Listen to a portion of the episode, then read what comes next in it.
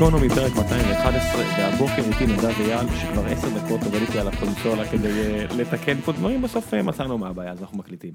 כמובן שהבעיה היא דיגיטלית ולא בקונסולה. ולא אנלוגית, כן. ככה זה, הגלובליזציה, העולם החדש אה, מביא איתו גם בעיות. כן, אנחנו יכולים להקליט את זה בינינו ככה במשרד שקוף, אבל יהיו בעיות. כן. זה נראה לי הפאנץ' ליין של הספר, אנחנו- לא? משהו כזה, כן, אנחנו, אנחנו יכולים, כן. מאיפה הקונסולה הזאת?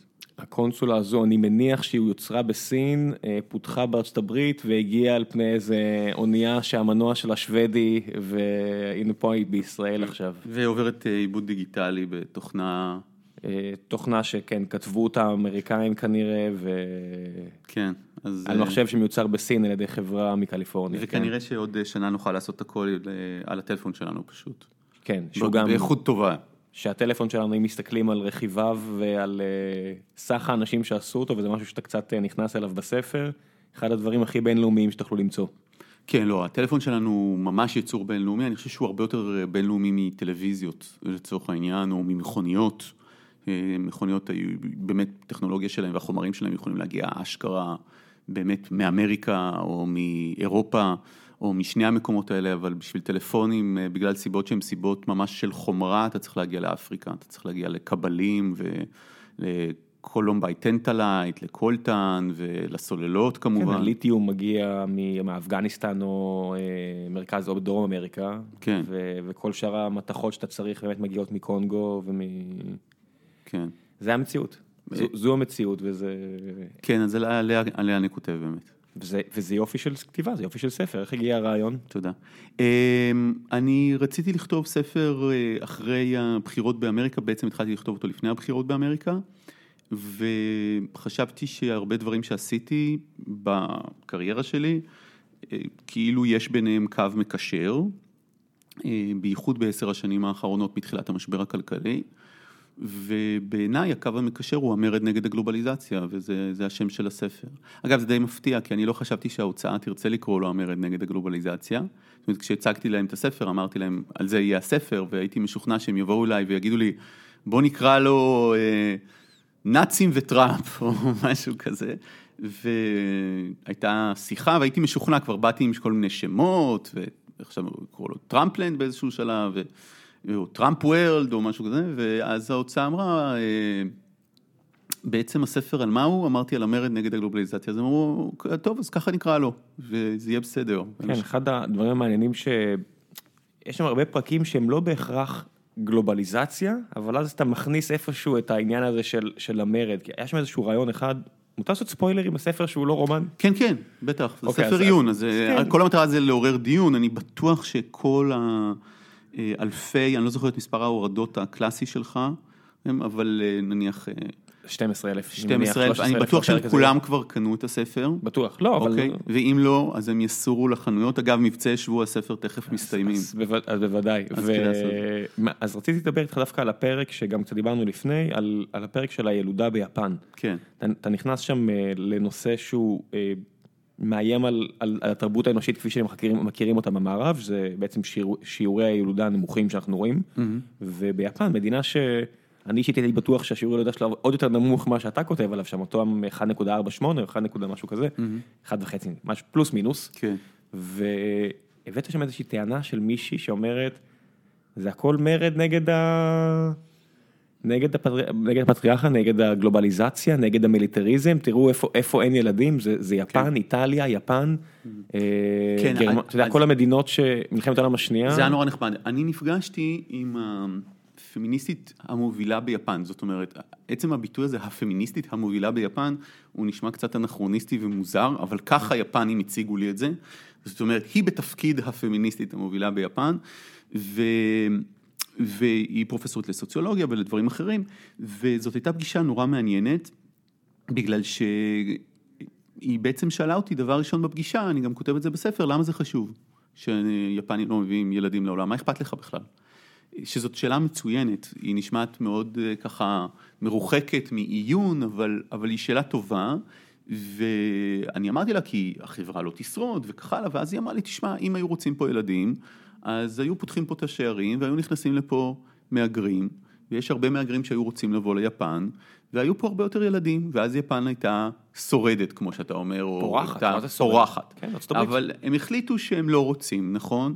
והיא הסבירה לי ארוכות את זה, היא פרסמה באמת מאמר, כמו שאתה אומר, שאומר שבכל מעצמות הציר לשעבר, שזה איטליה, גרמניה ויפן, איך שיעורי הילודה עלו אה, אחרי המלחמה קצת, ואז הם קרסו דרמטית, והיא טוענת שזה בגלל שהמדינות האלה לא עברו איזשהו מעבר, שהוא מעבר מסודר, או מעבר ראוי מעולם פטריארכלי, דכאני, לאומני, אל תוך מסורת שהיא באמת מסורת דמוקרטית, שיתופית, שיש בה שוויון.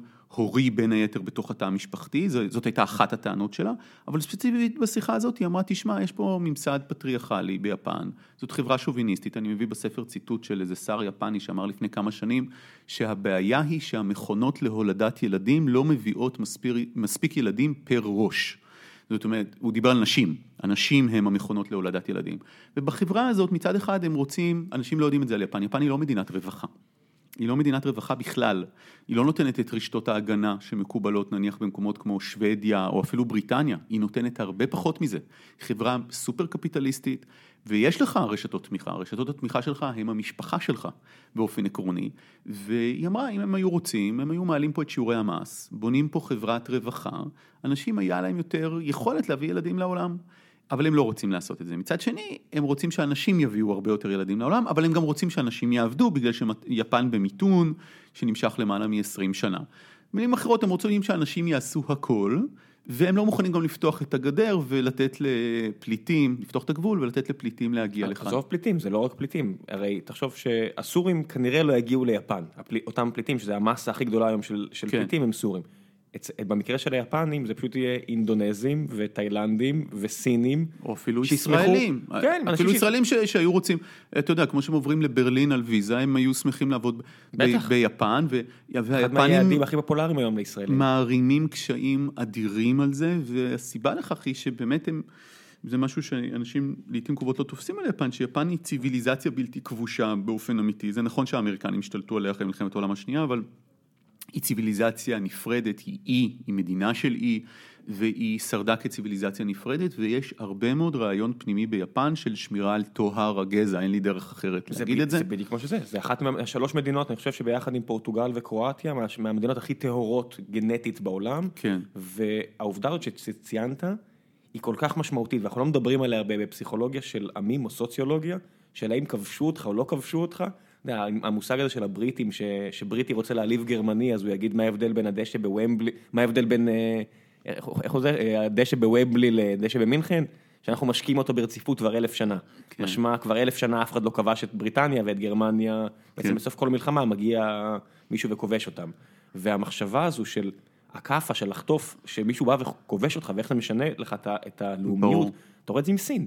כן. יפן הרי, אחראית לשינוי, אחת מהאחראיות לשינוי שסין עוברת. סין הייתה המדינה הכי יהירה, מדינה שיכלה לגלות את העולם החדש ושלחה כבר ספינות והחזירה אותם אחורה ובחרה להסתגר, והנה באו היפנים, הכריחו אותם, כבשו אותם, ארנסו, בזזו, שרפו, ועכשיו הסינים אומרים לא, אנחנו לא נחכה שעוד פעם זה יקרה, עכשיו כן. אנחנו שולטים בגורל שלנו. נכון, אני מדבר על זה בספר אה, ואני מביא את הסיפורים אה, של החברים הסינים שלי, אבל גם בעיקר את הסיפור של מלחמת האופיום, שאנשים לא, לא מבינים לעיתים קרובות עד כמה היא בעצם הולדת אה, סין המודרנית ועד כמה מלחמת האופיום הייתה משמעותית במה שהסינים מכנים היום 100 שנים של השפלה בדיוק בגלל הסיבה הזאת. עכשיו היפנים כן הפסידו במלחמה ולא רק שהם הפסידו במלחמה, הם הפסידו במלחמה אחרי שתי פצצות אטום, זאת אומרת הם הפסידו במלחמה בגדול, בענק מצד אחד, אבל מצד שני הם לא...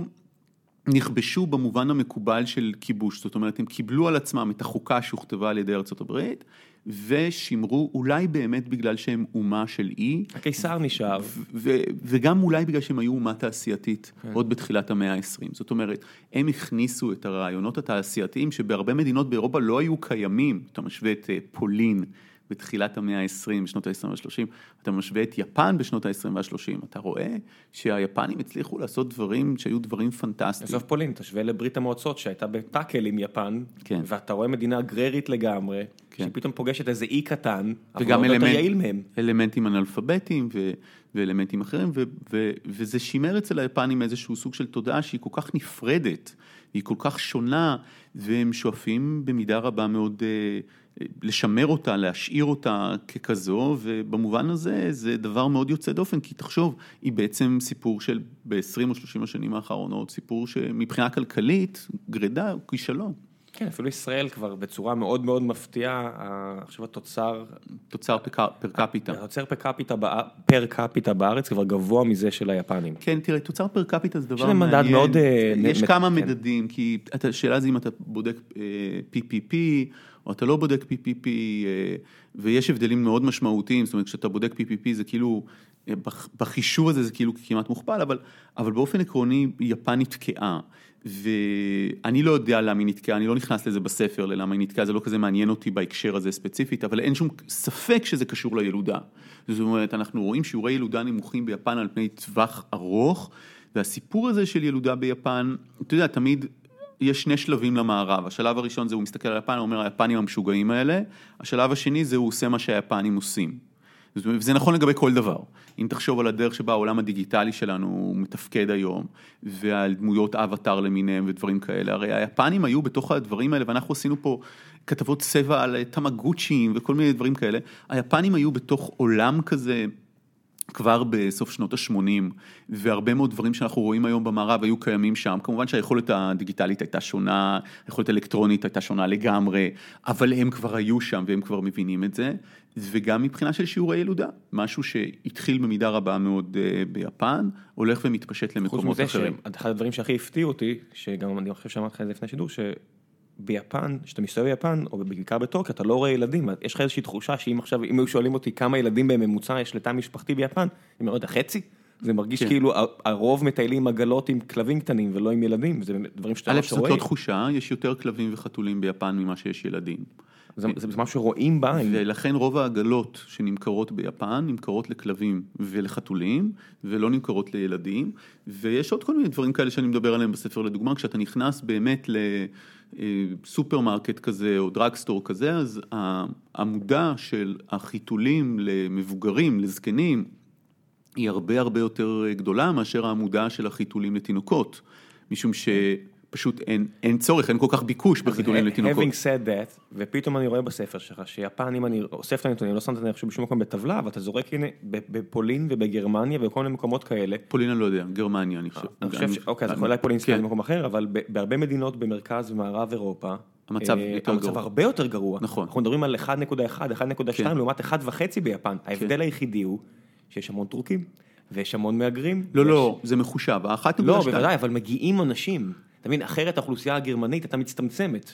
יש בזה, א', בדיוק עכשיו פורסם משהו על כך, ש, שבאמת אומר שהסיבה שזה לא הצטמצם זה בגלל שיעורי ההגירה, אבל יש עוד משהו לגבי יפן שהופך את זה למעניין, וזה שהיפנים שכחו למות, כמו שאומר לי חבר יפני בספר.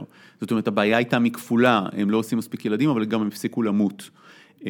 המספר הגילאים שלהם שמגיע לגיל 90, 100 הוא הכי גבוה כמובן בעולם, וזה מטיל עומסים בלתי נסבלים על מערכות הרווחה שלהם. יש מקום שבו הייתי ביפן, שאני מתאר בספר, שמתחילים להפוך היום בתי ספר ישנים לבתי אבות. אה, כי הבתי ספר הם נטושים, בעיקר באזורים הכפריים ביפן. אגב, כשאתה בתוך הערים הגדולות, אתה עדיין רואה ילדים. הבעיות הגדולות שלך זה באזורים יותר מבודדים ביפן, משום שהתופעה של אורבניזציה, שהיא תופעה שקורית בכלל בחברות מתועשות, ביתר שאת בעשורים האחרונים, השפיעה לרעה מאוד מאוד על האזורים היותר כפריים היפניים, ואז אתה מגיע אל מין בית אבות כזה, א', בית אבות זה לא מוסד יפני. נתחיל מהסוף, זה מוסד אנטי יפני. מה זה בית אבות? אין דבר כזה ביפן. במסורת היפנית והאסייתית, כל הרעיון זה שתוכנית הפנסיה שלך זה הילדים שלך, וליתר דיוק הבנים שלך, שאתה הולך אה, בעצם להיות פיזית אצלם בבית עד יום מותך, ובדרך כלל מי שיטפל בך זה בכלל לא הבן שלך אלא רעייתו. זה התפקיד שלהם, זה, בשביל זה הם שם. אה, ומה שקרה זה שהילדים עזבו לעיר, ואז הזקנים האלה נשארו בכפר. אגב, כפר שהוא בסך הכל שעתיים מטוקיו, לא, לא יותר מזה. זה רק בגלל התחבורה הציבורית הטובה. ו... זה לא כן, זה כזה נכון, קרוב. נכון, נכון, רכבת מצוינת. כן. ואז אתה רואה את הבית אבות הזה מאוד מאוד צנוע, אמנם נקי, אבל צפוף מאוד. אה, לא היה נראה טוב לאף אדם ישראלי שהיה נכנס אליו, ואלה בעצם הורים שמבחינת החוויה היפנית, מבחינת החברה היפנית, הם ננטשו. זאת אומרת, זה נכון שהם שם, יכול להיות שהילדים שלהם באים לבקר אותם, אבל מה שמקובל ביפן זה שהם יגורו עם המשפחה שלהם, לא, וזה, זה, מה שמקובל ביפן הולך ונשבר. כי החברה היפנית לא יכולה להרשות את זה לעצמה, לא ברמה של כסף, לא ברמה של מרחב מגורים, אני מזכיר לך בערים הגדולות כמה אתה משלם על כל מטר במקום כמו טוקיו. ולא מבחינת העבודה, מבחינת זה שיש עידוד של נשים לצאת לעבודה, וקשה היום לאנשים ביפן להשתכר מספיק כסף כדי להחזיק משפחה, בגלל תופעה ספציפית שאני לא יודע אם ניכנס אליה, שנקראת עובדים זמניים, שבייסקלי זה עובדים בדיוק כמו כל עובד אחר, אבל הם פשוט מוגדרים במחשב של החברה הזמני, וכתוצאה מזה הם יכולים לקבל חצי מהכסף. ממה שעושים עובדים אחרים, הם לא עובדי כוח אדם, הם פשוט מכונים זמניים, ואלה העובדים שאפשר לפטר אותם בוא, בעצם. בוא נשאיר את זה למי שרוצה לקרוא את הספר, כי שם אתה נכנס לעניין הזה טיפה יותר בפירוט, כן. לפחות בנוגע ליפן, אבל מה שמעניין זה, זה לא, עובדה שזה לא משהו יפני, זה משהו גלובלי. לא, זה גם לא הספר. משהו מערבי. אני כן. רוצה להדגיש את הנקודה הזאת, כי אני חושב שאנשים חושבים, אה, החברות הדקדנטיות המערביות האלה, או אפילו יפן. גם, גם, גם סטייל של, של סאי, אתה רואה את זה בקוריאה, הרי ביתר שאת, אבל אתה לא... רואה את זה היום גם בדרום אמריקה. אתה רואה את זה במרכז אמריקה, במקומות מסוימים, זה תלוי איפה. אה, אבל אתה רואה את זה בכל מקום. ואתה רואה את ה... יש, אתה יודע, הבעיה בספרים זה שאתה לא יכול להכניס בתוכם אה, גרפיקות גיפים כאלה שמתפתחות, שזה אחד הדברים הכי מרשימים תמיד במצגות. גרפיקה יפה כן. כזו. ואפילו חשבתי באיזשהו שלב לעשות אה, קוד שיהיה אפשר לסרוק. תוך כדי הקריאה של הספר, והגעתי למסקנה שזה קצת יותר מדי אה, שטיקי, כאילו, ושאני אוותר על זה, אבל, אבל יש אינפוגרפיקה מאוד יפה שמבוססת על נתונים של הבנק העולמי, שבעצם מתחילה ב-1900 ונגמרת ב-2100, זאת אומרת היא מתחילה בנתוני אמת וממשיכה לפרדיקשנס, ומה שהיא מראה זה שאנחנו הולכים לעבור לצמיחה שלילית, במילים אחרות להתכווצות של אוכלוסייה אנושית בכל מקום בעולם, כולל באפריקה. כולל אפילו בניג'ר, ששם יולדת אישה ממוצעת, אם אני זוכר נכון, שבעה וחצי ילדים. המקום היחידי שיותר מהעדה החרדית בארץ, דרך אגב. אגב, אבל זה, חלק מהסיבה לזה זה שתוחלת החיים היא מאוד נמוכה, הרבה מאוד מהילדים האלה ימותו. כן, אני, מדבר, פעם. אני מדבר על זה בספר, יש תופעה, זאת אומרת, מנסים להסביר למה במקומות שבהם יש הרבה חולי, אנשים יולדים יותר ילדים, והתשובה שהיא מאוד, נשמעת מאוד רע, נקראת child herding. אני מביא את זה בספר, וזה אומר שאנשים אוגרים ילדים, כי הם יודעים שחלקם ימותו. זאת אומרת, זה לא רק עניין סנטימנטלי, ההפך, ככל שמתים יותר ילדים לזוג, הוא רוצה לעשות יותר ילדים, כי הוא לא יודע מי ישרוד. זה אחת מהסיבות כנראה, זה בטוח אחת לא, מהסיבות. אנחנו לא יודעים, בואו נתחיל כן. מהסוף. אנחנו לא יודעים מה גורם לתרחיש של סיפורה של שפחה אה, להתחיל להתפתח היום בעולם. אנחנו, אין לנו שמץ של מושג. אחד מהדברים הכי יסודיים שאני אומר על הסיפור הזה בספר זה שלא רק שאני לא יודע, אלא אני מהמר שאנחנו אף פעם לא נדע. ההחלטה להביא ילדים לעולם היא החלטה הכי אינטימית. לא רק של בן אדם, אלא של שני בני אדם ביחד, שכל אחד מהם הוא חשוב להחלטה. כמות המשתנים, הכלכליים, האנושיים, התרבותיים, אבל אני כן אגיד לך נתון אחד שהוא הנתון המכריע, ובגלל זה הסיפור הזה בספר של הילודה.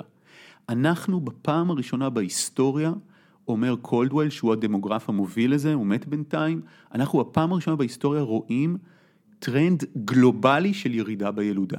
בעבר היינו רואים באירופה יולדים יותר ושם יולדים פחות. פתאום אנחנו רואים את אותו דפוס בכל מקום. באיראן, מדינה שהיא היא כל כך דתית, והיית מצפה, היית מצ- מצפה לשמוע שזה כמו בארץ, אתה יודע, היית, הייתי מצפה לקרוא שיש באיראן אה, שלושה ילדים למשפחה, מה כן. שאני מכיר מתרבות מאוד דומה כמו בארץ, תרבות יותר מסורתית, יותר דתית, ואז אני קורא בספר שלך שזה 1.8, זאת אומרת אוכלוסייה מצטמצמת, פחות משתיים.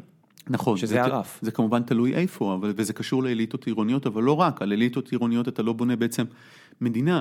אבל מה שאנחנו רואים נגד עינינו זה משהו שהוא כמעט בלתי ניתן להסבר. אני מביא הרבה דוגמאות, אה, סטטיסטיקות על קורלציה, כמו חינוך נשים, יציאת נשים לעבודה, הרבה דברים אחרים. אה, השורה התחתונה היא שאנחנו לא יודעים, ואני גם מביא דוגמאות היסטוריות. תראה, לאורך כל הציוויליזציה האנושית, אימפריות ניסו להגדיל ילודה או לצמצם ילודה, עוד, אה, אתה יודע, מספר שמות, כן? אה, ממה שפרעה ניסה לעשות לבני ישראל, אבל אם אתה מסתכל על רומא, רומא לקראת נפילתה ואפילו לפני נפילתה, אה, מתעסקת עמוקות בשאלה של למה הרומאים האזרחים לא מביאים, בניגוד לעבדים, לא מביאים מספיק ילדים, והיא מוציאה חוקים בעניין הזה, וחוקרים של רומא עד היום אומרים, אה, זה בגלל האמבטיות. אנחנו מדברים פה על 400 לספירה. כן, אה, לא, קצת יותר מאוחר. הבעיות האלה מתפתחות לקראת לקראת ה- 100 מה- 100 לספירה.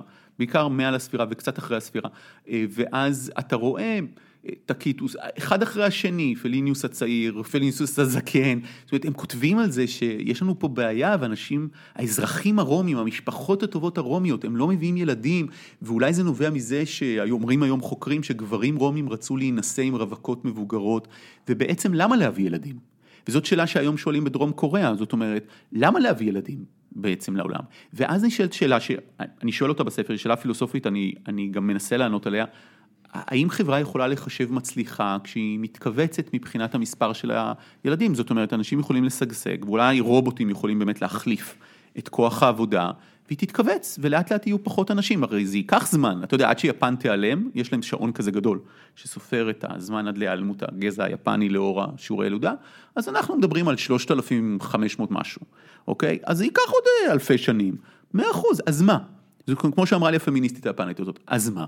והתשובה שאני נותן בספר היא סופר שמרנית, אני מתנצל עליה מראש בפני המאזינים היותר פרוגרסיביים, ואני אומר, אני לא חושב שחברה מתכווצת היא חברה שאפשר להחשיב אותה כחברה ממש מצליחה. זאת אומרת, אם ממש מתכווצת, אני לא מדבר על הפער, אני, לא, אני חושב שלא אמרנו את זה, אבל שיעור ההחלפה צריך להיות 2.1, זאת אומרת, כדי שחברה תשמר את הגודל שלה, אנחנו צריכים ש... אנחנו צריכים, כן. כל משפחה. שמשפ... לא, שאישה. אישה, בוודאי, כן. נכון. אז בוא, בוא נהיה... אתה יודע, אנחנו שני גברים שמדברים בעצם על משהו שנשים עושות. אה, אבל אישה אה, ממוצעת בחברה כזאת, אה, הדמוגרפים אומרים, תביא לעולם 2.1 ילדים.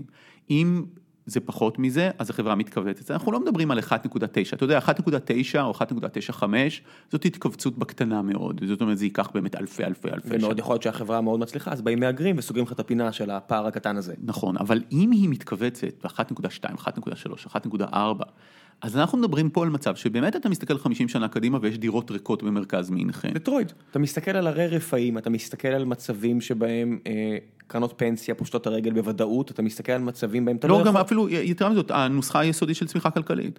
כשאתה מסתכל על צמיחה כלכלית, אתה תמיד מחשב צמיחה כלכלית, ואתה מסתכל על צמיחת, אה, צמיחת האוכלוסייה. אה, אם אין צמיחת אוכלוסייה, זאת אומרת, ו, ובמובן... זה צמיחה אפסית? אתה מסתכל בעצם על צמיחה אפסית, ואתה מסתכל על עולם שבו צמיחה זה סטגנציה.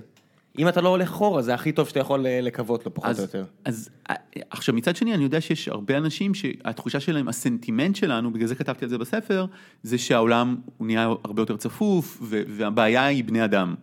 וא' זה נכון, בואו נתחיל מהסוף, העולם עדיין גדל, והוא ימשיך לגדול בעשרות השנים, הקרוב, כן. עשרות השנים הקרובות, הוא פשוט גדל במקומות אחרים. אה, מה שיקרה זה שבעיקר מחצית מהילדים בעולם עד עוד כמה עשרות שנים יהיו באפריקה. באמת במקום כמו ניג'ר נולדים שבעה וחצי ילדים לכל אישה. במצרים, השכנה שלנו, מתווספים מיליון אנשים כל שמונה חודשים או תשעה חודשים. כל שמונה חודשים. עוד מיליון אנשים. כן, נכון. אתה מסתכל ואתה אומר, ואין הרבה מקומות טובים במצרים, יש לך, אפילו עזוב טובים טוב, במושגים שלנו, טובים במושגים של המצרים. כן. זה, זה אזור נורא קטן מסביב שהוא פורה, מסביב לנילוס, סטו. אז, אז, אז זה בדיוק העניין, זאת אומרת... ניגריה שמתפוצצת, אתה יודע, באוכלוסייה. תראה, אחד הדברים שאני לא, אני מביא כדוגמה את חבל גליסיה בספרד, ששם עומדים 1,500 כפרים וערים אה, ריקים, אה, ערים קטנות ריקות. ו... וספרד באמת נמצאת במצוקה. זה לא מקרה, אני חושב שהספרדים והפורטוגזים התחילו לתת אה, כל מיני דרכונים לישראלים וליהודים שמוכיחים קשר. אני מעריך, ואת זה אני לא כתבתי בספר, כי הספר לא מנסה לצפות פני עתיד בכלל, אני חושב שהאתגר הגדול שלנו הוא לנסות את ה... להבין את ההווה. אה, ולא איזה מין, אתה יודע, אני... אם תמיד... למדנו משהו מיובל נוח הררי, זה שבהתחלה אתה מתחיל עם העבר ואז אתה מגיע לעתיד, אני, הספר הבא. אז אה, הוא עכשיו מפרסם אגב ספר חדש, ש... של 21 שיעורים, או... אבל כן, הוא התחיל מהעבר. זה, זה השלב האחרון, בשלב האחרון אני אגיד לך איך לחיות את ההווה. עבר, אה, עתיד, הווה. אז אני, אני רוצה להגיד לך משהו על, ה, על, על העתיד, אני קורא את הספרים האלה. ואני מאוד מתרשם מהעולם שבו לא יהיה צורך יותר בבני אדם ולא יהיה צורך בעבודה והאתגרים הגדולים יהיו אחרים, אה, אבל הגישה שלי היא הרבה יותר אה, ריאליסטית, אני לא רוצה להגיד פסימית, אבל אני חושב שהיא מאוד ריאליסטית ומאוד נעוצה בתוך התרחשות פוליטית עכשיו, וזה הבדל מאוד גדול נניח בין הספר שלי לבין הספר שבאמת יובל נוח הררי כתב, האחרון. התפיסה שלי היא שלפעמים בני אדם שורפים הכל. זאת אומרת, הכל כן, הכל מתקדם ויהיה ככה וככה וככה, אבל אז פתאום הם באים והם מחליטים לשרוף. אה, אני לא יודע למה הם מחליטים לשרוף. עכשיו, אני לא חושב את זה, זאת לא הערכה שלי, זאת לא השערה שלי. אני מביא דוגמאות בספר, אה, אפגניסטן וטורקיה של ארדואן ושורה של מקומות אחרים, וגרמניה הנאצית לצורך העניין. זאת אומרת, לפעמים בני אדם בוחרים ללכת אל החושך. ובגלל שאני ליברל קלאסי, במובן הקלאסי והשמרני של המילה, אז אני באמת מאמין שהם בוחרים ללכת אל החושך והם יכולים לשרוף הכל. זאת אומרת, ו... ואז אה, עכשיו חלק מזה יכול להיות שקשור לילודה. המחקר הזה של האוניברסיטה העברית ומאונט סיני, שאומר שיש ירידה של 50 אה, אחוז בספירות הזרע של הגברים במערב, במערב כולו, בכל מקום שהוא לא אפריקה. אה, יש ירידה של 50 אחוז בספירת הזרע. והציטוט שאני מביא שם של החוקר, שהוא אומר, התנגשנו בטייטניק. אה, המין האנושי התנגש בטייטניק, זה לא בדיוק, חוקרי ביולוגיה בדרך כלל לא מדברים ככה. האם חברה יכולה להיות בת קיימא, כאשר אנחנו יודעים שגם ביולוגית וגם חברתית היא מתכווצת? האם היא, האם היא נחשבת בת קיימא? האם השיטה של גלובליזציה יכולה להיות בת קיימא כש... משהו שקשור בגלובליזציה, בתיעוש, במהפכה התעשייתית, גורם לזה שאנשים לא מביאים יותר ילדים לעולם בכמות שיכולה להחזיק את החברה באותו גודל. כן, אבל הנה המילה, להחזיק. כי בסופו של דבר, כל המבנים החברתיים שלנו, כל המבנים הכלכליים שלנו, הכל זה די פיקציה. זה רעיונות שאנחנו המצאנו, ואנחנו צריכים להאמין בהם כדי שנקום ליום, זה כמו בממנטו. האם אני יכול להרשות לעצמי לא להאמין בדבר הזה? לא. כי אחרת הדברים לא עובדים, אחרת אין לך את האינטרס לקום בבוקר ולעשות את זה, ו, ומה שיפה, אתה מתחיל את הספר עם המיקרו למקרו, אתה אומר, התחלתי במזנון הכנסת, ולקחתי את הציטוטים האלה שאתה רואה בעיתון, ואתה אומר, מה, פרס חושב שברק לא ראוי להנהיג את המדינה? ואתה אומר, כמה זה... בטל ב-6 מיליון, לא ב... סליחה, אסור להגיד 6 מיליון, ב-600 אלף, כן. לא ב-60, לעומת תהליכים גלובליים שעוברים. והתהליכים, אני חושב, הכי גלוב... התהליך הגלובלי הכי חזק שעובר, זה עניין של משמעות.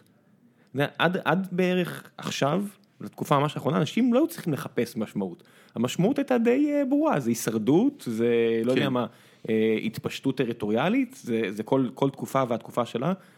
בשנות החמישים בארץ לא היה הרבה, אני מניח שכולם היה ברור מה, מה המשמעות, שב-56 אנשים מכרו פה זהב כדי שיהיה כסף לצבא, היה ברור מה המשמעות, ופתאום בכל העולם אתה רואה את זה הולך ונוזל. עכשיו תשאל חבר'ה בקוריאה, mm-hmm. האם הם מרוצים מזה שתכף יצטרף אולי יהיה הסכם שלום והם יצטרכו לדאוג לבני דודים הרחוקים שלהם? הרי דרום קוריאה הייתה אחת המדינות הכי עניות בעולם כמו הצפון, והפכה להיות אחת מעשר המדינות הכי עשירות. אתה בטוח שהצעירים בסיאול או בסואן או בכל המקומות האלה יסכימו עכשיו לשלם מיסוי גבוה כדי לעזור לחבר'ה המפגרים, מפגרים מבחינה, כל, מכל בחינה אפשרית? זה, זה לא טריוויאלי, אתה יודע, המחיר שמשלמים היום, ערבות הדדית, כל הדברים האלה, שפעם היה ברור שצריך, וזה הדרך הכי טובה כדי להתקדם. Mm-hmm. היום זה כבר לא, לא כל כך ברור, אתה יודע, אנשים שמעו אותך, אני מניח, הרבה מהמאזינים הימין כלכליים שלנו שומעים זה שביפן צריכים לעבור למדינות רווחה יותר בשביל הילדים, mm-hmm. אומרים, למה? זה לא בעיה שלי. כן, אני אביא ילדים, אני חייב להגיד בהקשר הזה, כן, זה, זה פנטסטי, אבל uh, הבעיה היחידה בזה זה שזה לא, זה לא עובד. זה לא עובד, זה לא עובד כי אתה לא לבד. אבל, אבל אני אגיד לך איפה זה כן עובד. אה, זה עובד במקום כמו צרפת. זאת אומרת, לצרפת הייתה בעיה קשה של ילודה, והיא לא הייתה קשה כמו היום, זה היה בסגנון שנות ה-80, ואז הם עברו לש... לרעיון שהמשפחה היא ערך, ולשבוע עבודה מקוצר מאוד מאוד, שהוא בעצם לא מתפקד במיוחד מבחינה כלכלית, ואני הראשון שיודה בזה. אבל מה שכן, שיעורי הילודה עלו, וזה המקום היחיד שהצליח. אתה קטע אנגלופיל. מה? אתה קצת אנגלופיל. לא, זה עלה, אני לא אומר את זה כ... באנגליה דרך אגב לא הייתה בעיה של שיעורי ילודה וגם אין ממש היום. כן. אולי זה קשור למדינת הרווחה שנמצאת שם. ב... ב... אין, אני לא רוצה לקבוע כלל אה, חלוט לגבי העניין הזה, כי בארצות הברית תמיד שיעורי הילודה היו יותר גבוהים מאירופה, וארצות הברית היא הרבה פחות מדינת רווחה, אבל, אבל מצד שני היא גם מדינה הרבה יותר דתית, וזה משפיע. אה, דתית ומותנית ומוכוונת הגירה, ומהגרים מביאים ילדים. נכון, בדור הראשון לפחות, נכון. לכל הפחות. אבל אה, לשאלה שלך לגבי המשמעות, אני חושב שאנחנו, כאן אנחנו כן עושים downgrade. ואנחנו, לעידנים שלפנינו. זאת אומרת, אני חושב שזה נכון שהישרדות במשך אלפי שנים הייתה הדבר שהכריע באופן אמיתי את היום-יום של בני אדם. וכשאני אומר במשך אלפי שנים, אני מדבר עד לפני כמה עשרות שנים. זאת אומרת, אתה מסתכל על הסטטיסטיקות, אה, אתה רואה ש... למעלה מ-50% מהציבור העולמי עד ב-1960 חי על פחות מדולר, לא משני דולר, פחות מדולר ליום.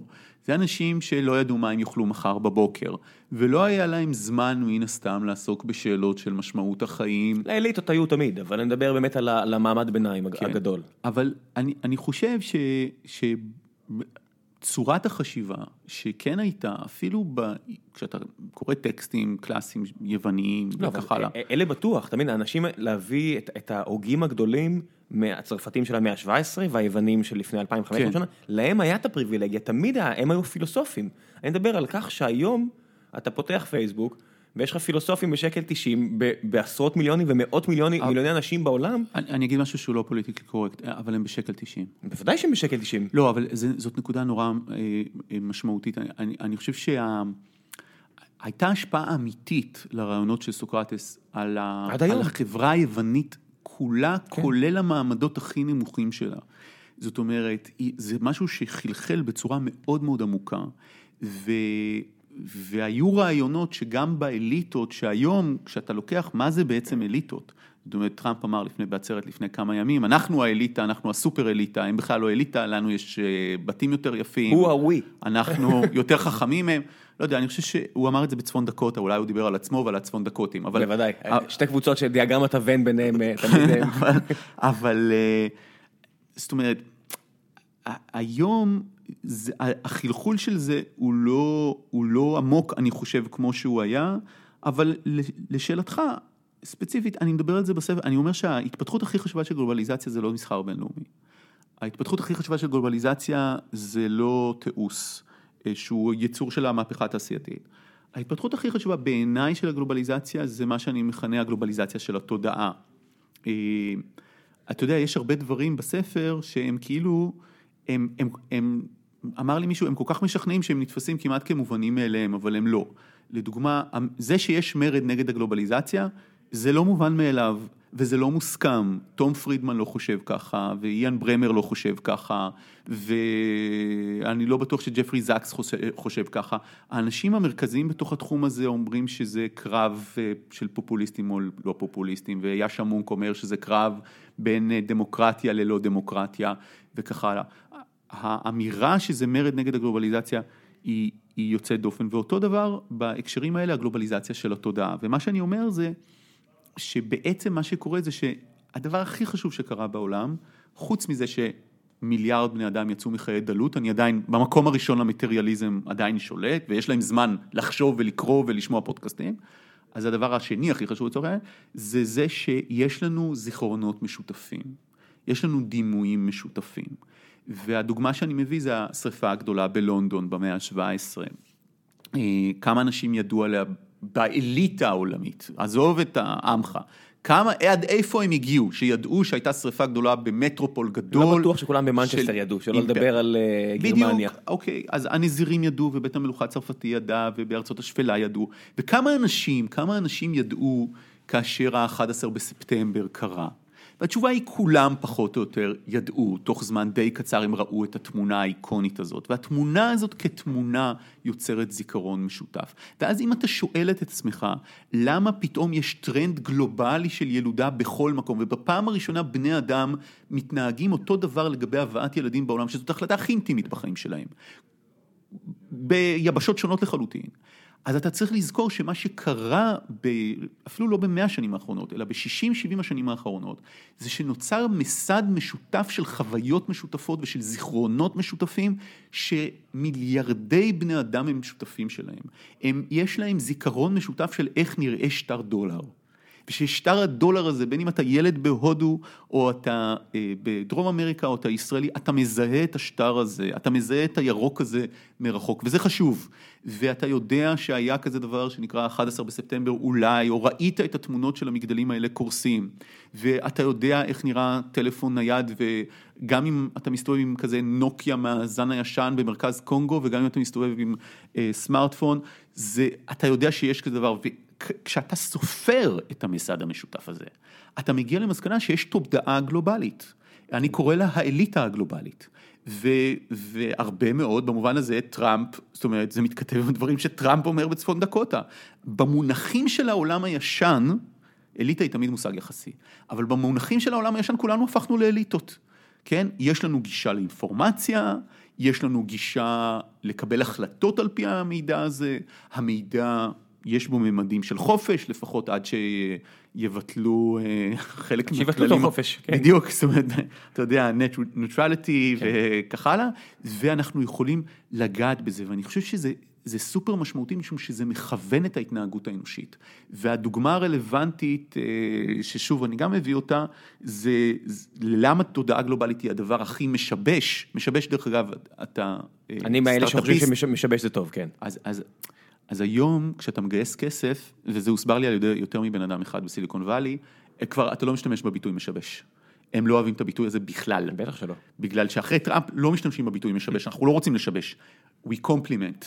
אנחנו משלימים, אנחנו מקדמים, אנחנו לא רוצים בעצם לפטר המון אנשים, כי כשאני אומר משבש בעצם אני אומר אני הולך לפטר את כל התעשייה שקדמה לי, וזו המטרה שלי, אני הולך לזרוק אותם ויש לי מוצר חדש. אבל מה הדבר הכי משבש, כן? אני לא צריך לגייס כסף עכשיו. Uh, הדבר הכי משבש זה הרעיון של תודעה, אני בא לסין ואני מביא אורז יותר זול. איזה יופי, כולם אוכלים אורז בסין, הם יקנו כן. ממני אורז הרבה הרבה יותר בזול, כי אני אייצר אותו, סתם אני אומר, במצרים. זה דבר שבאמת יכול לתת תחרות. מה לגבי זה שאני אשכנע את הילדים הסינים שאורז זה פויה ושכדאי להם לאכול צ'יפס, כי הם רוצים כולם לאכול במקדונלדס. אז במצב אחד יצרן האורז המקומי הסיני מאוד מאוים מתחרות זרה, מגלובליזציה, מסחר בינלאומי. במצב השני הוא לא מאוים, הוא מושמד, הוא מחוסל, כי אף אחד לא רוצה לצרוך יותר אורז. במצב אחד מה שאיים עליו זה האלמנט המטריאליסטי, שהוא האלמנט של הייצור. במצב אחר מה שאיים עליו זה הרעיון.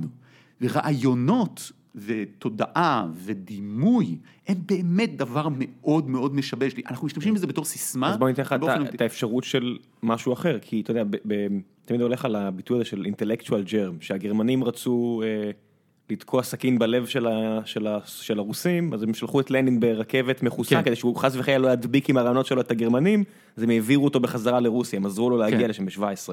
וזה באמת חזק, זה קטע של רעיון. אבל דבר יותר חזק, זה השילוב של רעיון ומטריאליזם, ומה שאנחנו רואים פה, שזה אולי... כולם מחפשים את הנקודת סינגולריות. צ'יפס זה דבר מאוד מטריאליסטי. אז חכה את הצ'יפס. זה גם טעים. כן, אבל הצ'יפס הוא לא, השינוי של צ'יפס הוא לא כזה גדול כמו שהשינוי של מובייל. ואני לא יודע אם מובייל או אינטרנט באופן כללי, אה, והעניין הזה של, של המובייל זה שילוב של שניהם, כי זה גם הרעיון וגם הטכנולוגיה. כי בכל מקום עכשיו יש את המובייל הזה, ועל המובייל הזה יושבים האפליקציות, שהן די אפליקציות של כל מקום, פייסבוק כבר עם שני מיליארד משתמשים, כן. זה השילוב המושלם הזה בין אה, חומר ו, ו, ורעיון.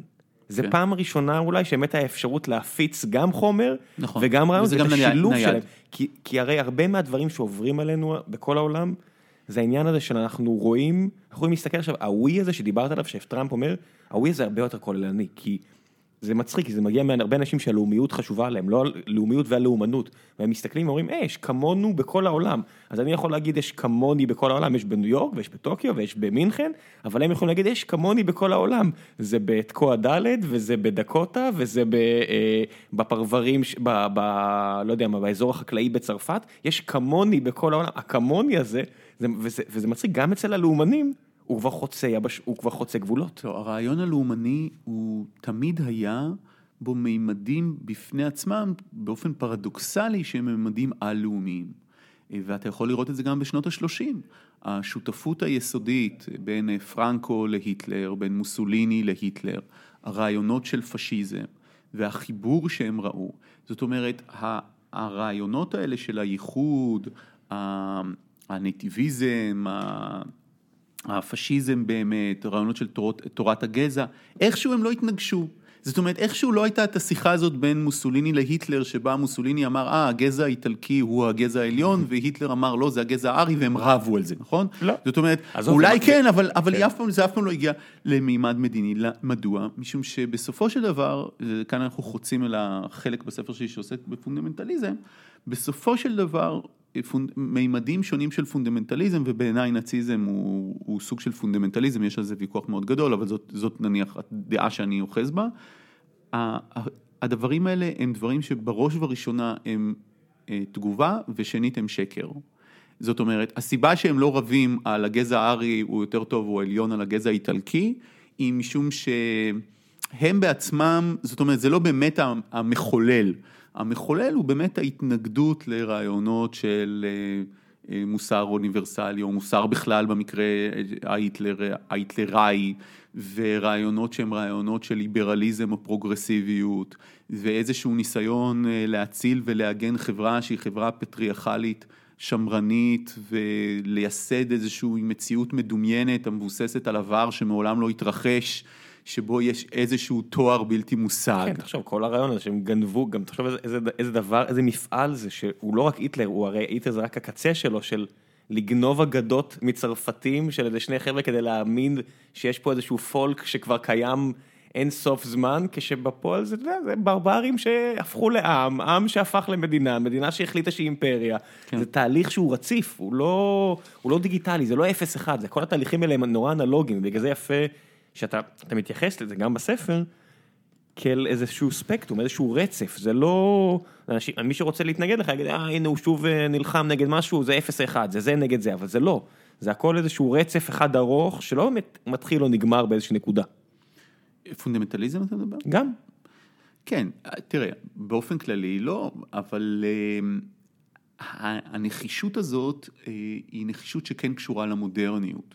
יש אה, ספר אה, שסיימתי לצערי לקרוא אחרי שכתבתי את הספר, אה, שנקרא The Swerve, או המפנה, התפנית, בעברית תרגמו אותו התפנית של אדם בשם גרינבלט, והוא מסמן את הולדת המודרניות, הוא מספר את הסיפור של הולדת המודרניות דרך גילוי של כתב יד בתקופת הרנסאנס, כתב יד רומי של לוקרסיוס שנקרא על טבע הדברים, שנחשב לקלאסי, ובעצם יש בו איזושהי האדרה של מציאות טבעית ללא אלוהים, והוא אומר כאן נולדה המודרניות.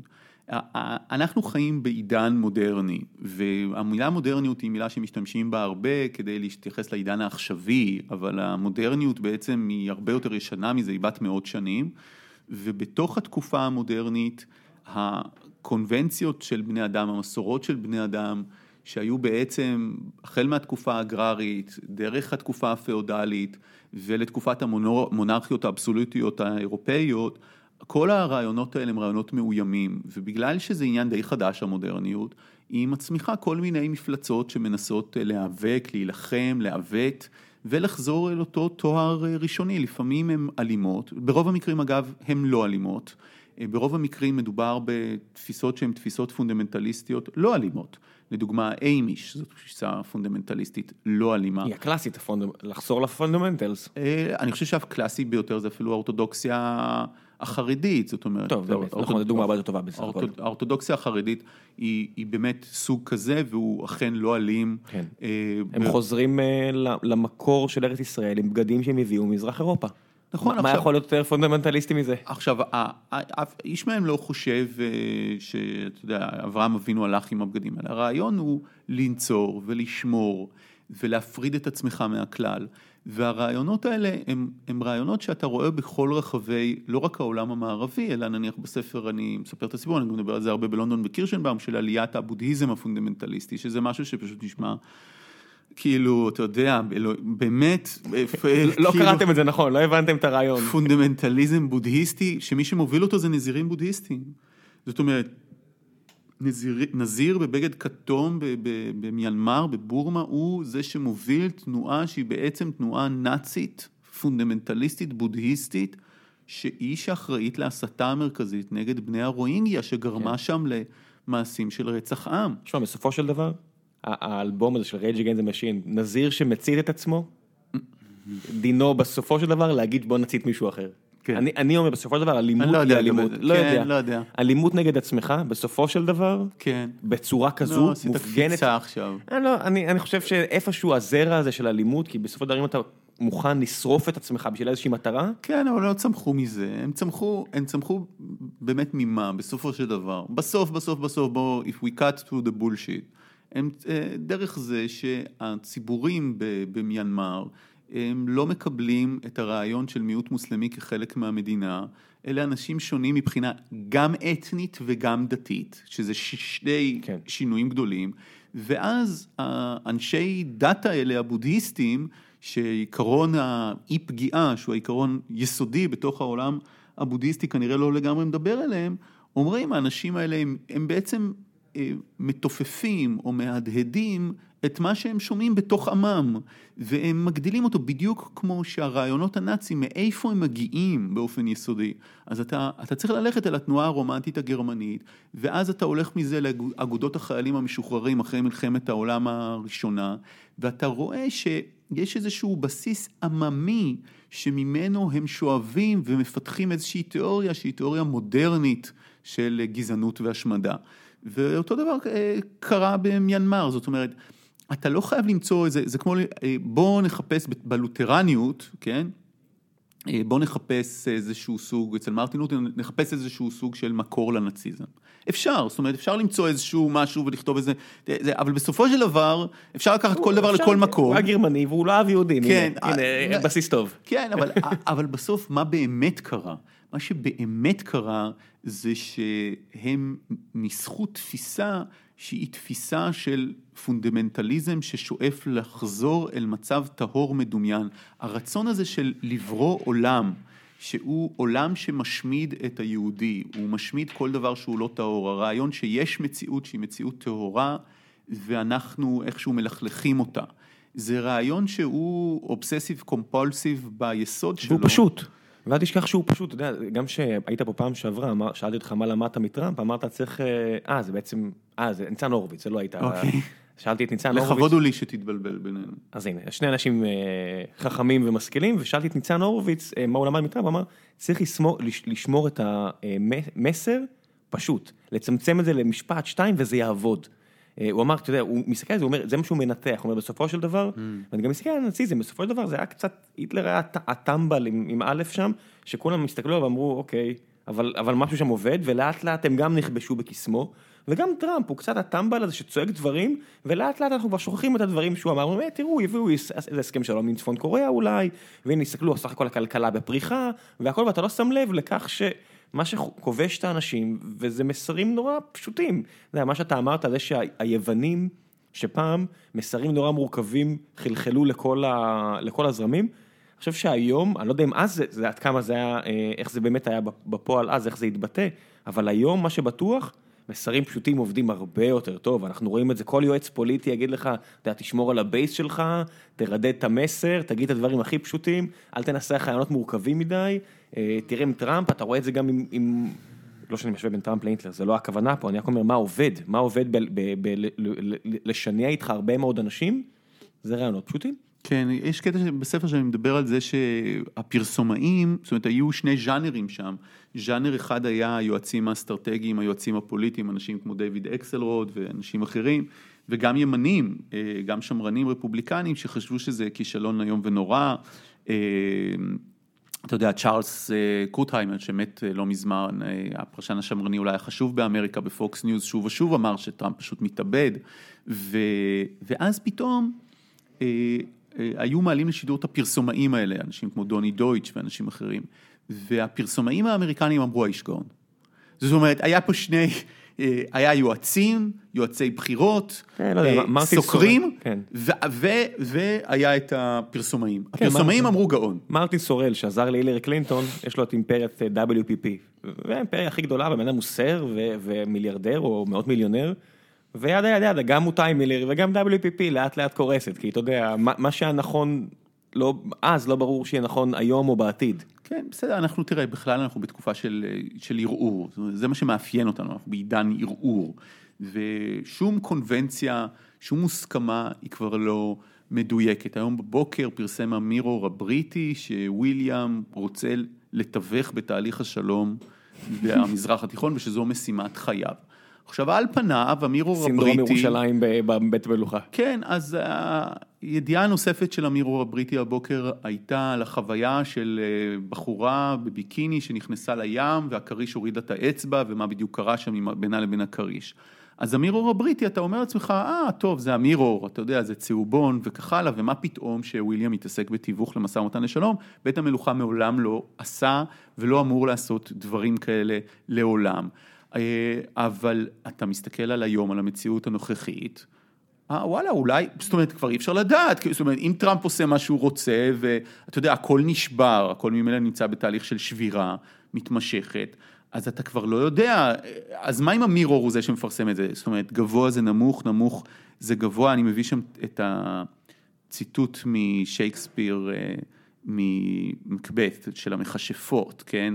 הם אומרים, אני, לא, אני הייתי צריך לתרגם אותו כי הציטוט הוא באנגלית, אבל לא רציתי לכתוב אותו באנגלית כי זה פלצני, אז כתבתי אותו בעברית, אבל באנגלית זה fair is foul and foul is fair, כן?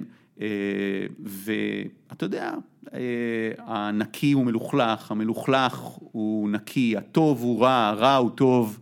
מקיאווליסטים, אתה יודע, בסופו של דבר, get the shit done, אתה יודע, תעשה מה שצריך, אם המטרה שלך זה להיבחר, תיבחר, אם המטרה שלך זה למכור את החברה, תמכור את החברה, ואתה רואה את זה כי זה הכל מגיע מזה שאין, אולי אף פעם לא היה. אני לא עושה איזה אידיאליזציה אחורה, אני אומר, אין לך באמת איזשהו אידיאל, המטרה פה היא להיבחר, אתה היית כתב פוליטי, וזה מה שאני אוהב בספר, המעבר הזה שאתה עושה מהמיקרו למקרו, וכתב פוליטי זה הכי מיקרו. כן. זה הכי מיקרו שיש, אני, אני קורא את הטורים של יוסי ורטר, וזה, אתה יודע, אתה מסתכל, במה אתה מתעסק כל השבוע? לא, אבל זה, זה היה לי טוב, זאת אומרת, אני עדיין, במובנים, אני עדיין כתב פוליטי. אתה עדיין מחשיב את עצמך כתב פוליטי? לגמרי. אתה לא, אתה לא חדשות חוץ? אני פשוט כתב פוליטי שמתעסק בעניינים בינלאומיים, ואני חושב על זה פוליטית, זאת אומרת, אני חושב תמיד על אינטרסים פוליטיים הכי קטנים, הכי צרים. אני ככה רואה את העולם, אני לא מאמין שהעולם מתפרס דרך אידיאולוגיות, או שהוא נבנה על בסיס של תפיסות עולם, אה, אלא על בסיס זה שפוליטיקאים רוב הזמן, ברוב המקרים, יקבלו את ההחלטה שטובה לאינטרס הפוליטי שלהם, ואז הם יתרצו אותה באמצעות אה, החלטת מדיניות כלשהי שהיא רחבה יותר. וזאת אמונה יוקדת שלי שדרכה אני מנתח בכלל את ההתפתחויות הבינלאומיות, וזה נכון נניח אה, להחלטה של אובמה שאני כותב עליה בספר ומבקר אותה, ביקרתי אותה גם בזמן אמת, לא להתערב בסוריה, אחרי מתקפת הגז, אחרי, אה, אחרי שהוא הציב קו אדום והוא החליט לא לעמוד בו, כפי שזה נכון היום לדברים שעושה דונלד טראמפ. השאלה אם באמת, אתה יודע, מישהו אחר כן בחר להתערב, אני פשוט, בזמן שאני מדבר איתך אני מחפש את השאלות, כי תכף נעבור לשאלות מהקהל, okay. אוקיי. אבל בסופו של דבר ההחלטה הזו, שהיא החלטת מיקרו, סוג mm-hmm. של, לא, אפשר להגיד, החלטה של נשיא אמריקאי אחד, כן. החליט לא להתערב במדינה אחת, ומגיע מישהו אחר ואומר, טוב, אז אני אתערב, והמישהו הזה משנה... את, זור... מפיל את אבן הדומינו הראשונה הזו בסוריה. ו... כן, אבל שניהם עושים את זה כי זה האינטרס שלהם, כן? זאת אומרת... אני, אני לא יודע, האינטרס של מי? אני, ש, שאובמה עושה משהו, אני מניח איפשהו שהוא רואה איזשהו אינטרס של המדינה, כי תוך שמונה שנים במקסימום הוא לא יהיה שם. כשאני רואה את המהלכים שפוטין עושה למשל, אומר זה האינטרס שלהם, ופה אני אומר, לא אינטרס מזה, של הוא מי? לא, הוא לא מזה... הוא המדינה? א', פוטין רואה את עצמו כמדינה, ושתיים, האינטרס שהוא מזהה של המדינה הוא בעיניי, וכנראה גם בעיניך, שגוי מאוד, אבל פוטין עדיין חושב על רוסיה בתור מעצמה אימפריאלית. פוטין חושב על רוסיה במונחים טריטוריאליסטיים. זאת אומרת, אנחנו צריכים את המוצא הזה לים השחור. למה? למה אתם צריכים את המוצא הזה לים השחור? תקימו שדה תקופה גדול, ויהיה בו קרגו, או יש לכם מוצא במקומות אחרים. למה דווקא שם? או תחקרו את זה, זאת אומרת, תאיימו על האוקראינים, והם ייתנו לכם חכירה שם, או תש... למה אתם צריכים לכבוש... תקנה, יש לך... בדיוק. שווה היה לך את הסנקציות האלה אחרי שכבשת את קרים, שעד היום הם בתוקף, כן. אנשים לא יודעים את זה. תראה את סין, סין לא כובשת יותר כלום, היא מבינה שלא צריך כנראה. עכשיו היא מבינה. בסדר, עכשיו, עכשיו. זה לא תמיד, זה... אני מדבר ספציפית עכשיו. אל תאמר על זה בעשרות שנים הקרובות. לא, אני מדבר, כרגע. גם לפני עשר שנים שהם כמעט נכנסו למלחמה עם יפן, כן. וגם אולי עוד עשר שנים, אבל כרגע שאתה רואה שמה ששי ג'ינגפין עושה עכשיו, עובד. אז אה, זו, תשמע, בוא, אה, אני מדבר על זה אה, הרבה, על כמה רוסיה היא כישלון. ובאיזשהו שלב העיר לי איזה דיפלומט, חבר שלי שהוא לא רוסי, תגיד, אתה יודע שאתה כותב הרבה יותר ביקורת על פוטין מכל אחד אחר פה בסביבה, וכשהוא אמר לי את זה, כמובן קצת נבהלתי. אה, אמרתי לו, אל, אל תהפוך את זה לאיזה trademark שלי, של כן. העניין, אבל תראה, רוסיה היא כישלון מוחץ, היא אוכלוסייה מתכווצת, היא מדינה ש... בצורה פתטית פוטין אה, נותן לאורחים שלו שמגיעים לקרמלין, הוא היה נוהג לתת את הטלפון, ה mobile phone, הסמארטפון הפופולרי, YotaPhone, שאני לא יודע כמה מהמאזינים יש להם אותו, אבל אם יש לכם אותו, אז כדאי שתמסגרו אותו על הקיר, כי זה כבר דבר די נדיר. זה דבר מדהים, אומה הטכנית ביותר בהיסטוריה, כנראה, ששמה את האדם הראשון בחלל, ששמה את הלוויין הראשון בחלל. מן הסתם האמריקאים ינצחו בכל תחרות על אומה הטכנית ביותר, אבל כן. נחמד לא, לא, ש... אבל בשיעורי השכלה לדוגמה, לא בטוח, בשיעור, אם היינו מדברים לפני 20 כן. שנה, כן. בשיאה רוסיה אז, הייתה מועמדת טובה, אבל אז, לא... והאומה הזאת שהיא אומה כל כך מוצלחת במחצית השנייה של המאה ה-20, לפחות מבחינה של תיעוש ומבחינה של מדע. כן, גם, גם תרבות. תחשוב כמה סופרים יצאו משם. טוב, זה ברור, אני, אבל לא מדבר על זה. אבל אני... זה גם סמל לאושר של מדינה, והם חירבו את זה. אתה יודע, כל פעם שנראה כאילו יש כל כך הרבה פוטנציאל במדינה שהיא גדולה פי שתיים, המדינה השנייה הכי גדולה בעולם, קנדה, וכלום, וכלום, זה כאילו הם בועטים עצמם בדלי, כן. הסדר... הבועטים הסדרתיים בדלי. אז זה תמיד היה הסיפור עם רוסיה, והשאלה אם רוסיה היא המערב, ומה זה בעצם רוסיה, וקטרינה הגדולה, וכל זה, זה שיחה ארוכה, אבל, אבל השורה התחתונה זה שזה רשום על פוטין. זה רשום על פוטין, הוא שולט בדבר הזה החל מסוף שנות התשעים. כל כישלון, תראה מה הסינים עשו ב-20 שנה האלה, תראה מה פוטין עשה ב-20 שנה האלה. הוא הסתבך במלחמה בגיאורגיה, והייתה לו את המלחמה בקרים, ואת המלחמה במזרח אוקראינה, ואת המלחמה בסוריה, ופורבס בחר בו לאיש החזק ביותר בעולם, ומה קרה לרוסים? המצב ברוסיה הוא שהם סוגרים אה, אלפי אלפי בתי ספר, הם סוגרים אלפי בתי חולים, הם, הם מתכו... האוכלוסייה מתכווצת, תוחלת החיים תקועה. זאת אומרת, זה לא מקום טוב לחיות בו. זה לא, אין, אין עוררין על זה שזה לא מדינה מוצלחת. כן, למרות שמי שצופה במונדיאל מרגיש שהיא סופר מוצלחת, אבל, אבל זה חלק מה... בסדר, גם, גם דרום אפריקה היה נראה, בדיוק, נראה נחמד. אומרת, אבל, אבל זה לא רק שהיא לא מוצלחת, היא, היא אחד הכישלונות הכי בלתי צפויים כמעט. זאת אומרת, הקריסה של ברית המועצות, גם אם אתה מאשים את המערב ואת קרן המטבע, לא הייתה חייבת להוביל לזה, וכמעט בטוח שאם זה לא היה פוטין, שהוא Homo Sovieticus, שהוא יצור של הקג"ב, אז, אז רוסיה לא הייתה במקום הזה. זאת אומרת, אם זה היה נשאר בבלגן ילציני, שזה היה קטסטרופה, עם ברונים שודדים, סביר להניח שמשהו אחר היה מתפתח שהיה יותר קפיטליסטי לצורך העניין ויותר אולי פורח. ההצלחה הכי גדולה של פוטין היא פשוט שיש מדינה. ברוסיה. אגב, צריך לומר לזכותו שזה תמיד היה אתגר במקרה הרוסי. האתגר במקרה הרוסי לא היה להצליח עם רוסיה, היה לקיים את רוסיה כמדינה קוהרנטית. זה תמיד היה האתגר הגדול של כל צאר רוסי, ובזה הוא בהחלט מצליח. זאת אומרת, יש מדינה חזקה, המדינה לא מצויה באנרכיה והיא לא מתפרקת, וזה הדבר היחיד שאפשר להגיד לזכותו. אין עוד אף אדם בעולם שאם היום בבוקר לא יתעורר, יהיה כזה שינוי גדול, אני מניח. אני חושב לא. שבעולם, בכל העולם, תחשוב על עוד בן אדם אחד. טראמפ. אם טראמפ מת, אתה באמת חושב שמשהו כל כך גדול ישתנה? כן. מה ישתנה? הכל. מה? לא, לא, אני יודע שאומרים שמייק פנס... לא, מוות טבעי, כן, לא התנגשות. חלילה, אבל אה, אני... חלילה, אבל... לא שאני מאחר, כן, אני סתם מדבר אה, טראמפ... חשיבות של בן אדם ל... טראמפ הוא באמת משנה הכל, משום שפוטין כבר רשום 20 שנה באיזושהי מסגרת, הוא על המשבצת, המשבצת האנטי-ליברלית, המשבצת הרוסית, והוא בסוף מנהיג של אומה שיכולה לעשות הרבה בלגן ורעש ונזק, ולפעמים טיפה תועלת, אבל, אבל לא מנהיגה של שום דבר בעולם באופן אמיתי, של שום גוש. וטראמפ הוא כן, ואתה יודע, זה לא מצחיק, מנהיגת העולם החופשי אנגלה מרקל, זה יפה מאוד בשביל חידוד בטוויטר, ואני לא... בהחלט כתבתי אותו כמה פעמים, ומבחינה של ערכים זה בהחלט נכון, אבל בסוף אין, אין שום החלפה לארצות הברית של אמריקה, וטראמפ הוא מהבחינה הזאת אינדיספנסיבל. Uh, מהבחינה הזו באמת אם ארצות הברית היא לא השוטר, אז כמו שאמרת על רוסיה, אם אין אדם חזק אז קפיטליזם, אז זה כבר אינטרסים אישיים בתועלתנות, אז אתה רואה את זה גם, אין אדם חזק שעכשיו מחליט סנקציות על איראן, טובות, לא טובות, אבל החליט את זה, שוב הקריס הכלכלה שלהם, אם זה לא היה, אז מה היה קורה? אינטרסים. הגרמנים היו מתחילים לסחור איתם כי הם רוצים את הכסף, מדינות אחרות, היה קורה משהו טבעי יותר. עכשיו אני לא יודע אם טבעי זה טוב.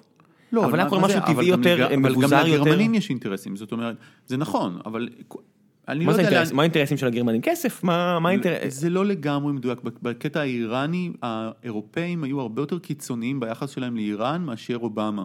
למה? כי הטילים האיראנים כבר מאיימים על אירופה, וכי ה constituency האירופאי הוא מאוד אה, מתעב את האיראנים, זאת אומרת, הרי בסקרים בבריטניה זה תמיד או איראן או ישראל מנצחת במדינה הכי פחות פופולרית. אז זה שאנחנו מנצחים שם זה לא גורם לי שמחה, ואני גם חושב שזה לא מוצדק. אבל אה, האיראנים לא מנצחים בצדק, זאת אומרת, האיראנים נמצאים בתחתית הרשימה הזאת בצדק. אה, זה לא שהעולם חושב ש... זאת אומרת, העולם חש מאוים מהאיראנים. ובסוף היה קורה, יכול להיות שהיה קורה משהו בלי האמריקנים, שהיה ככה קצת מגביל את זה, בייחוד בתקופתה של מרקל. אבל אתה לא צודק ש... המהירות שבה הם כל כך כבר מיהרו להתחיל לסחור איתם, זה, אנחנו חייבים להגדיל את הצמיחה הזו. זה היה הרבה פחות ממה שצפוי היה. תשמע, כן. זה... הם התחילו, אבל זאת הייתה התחלה מאוד מהוססת. למה?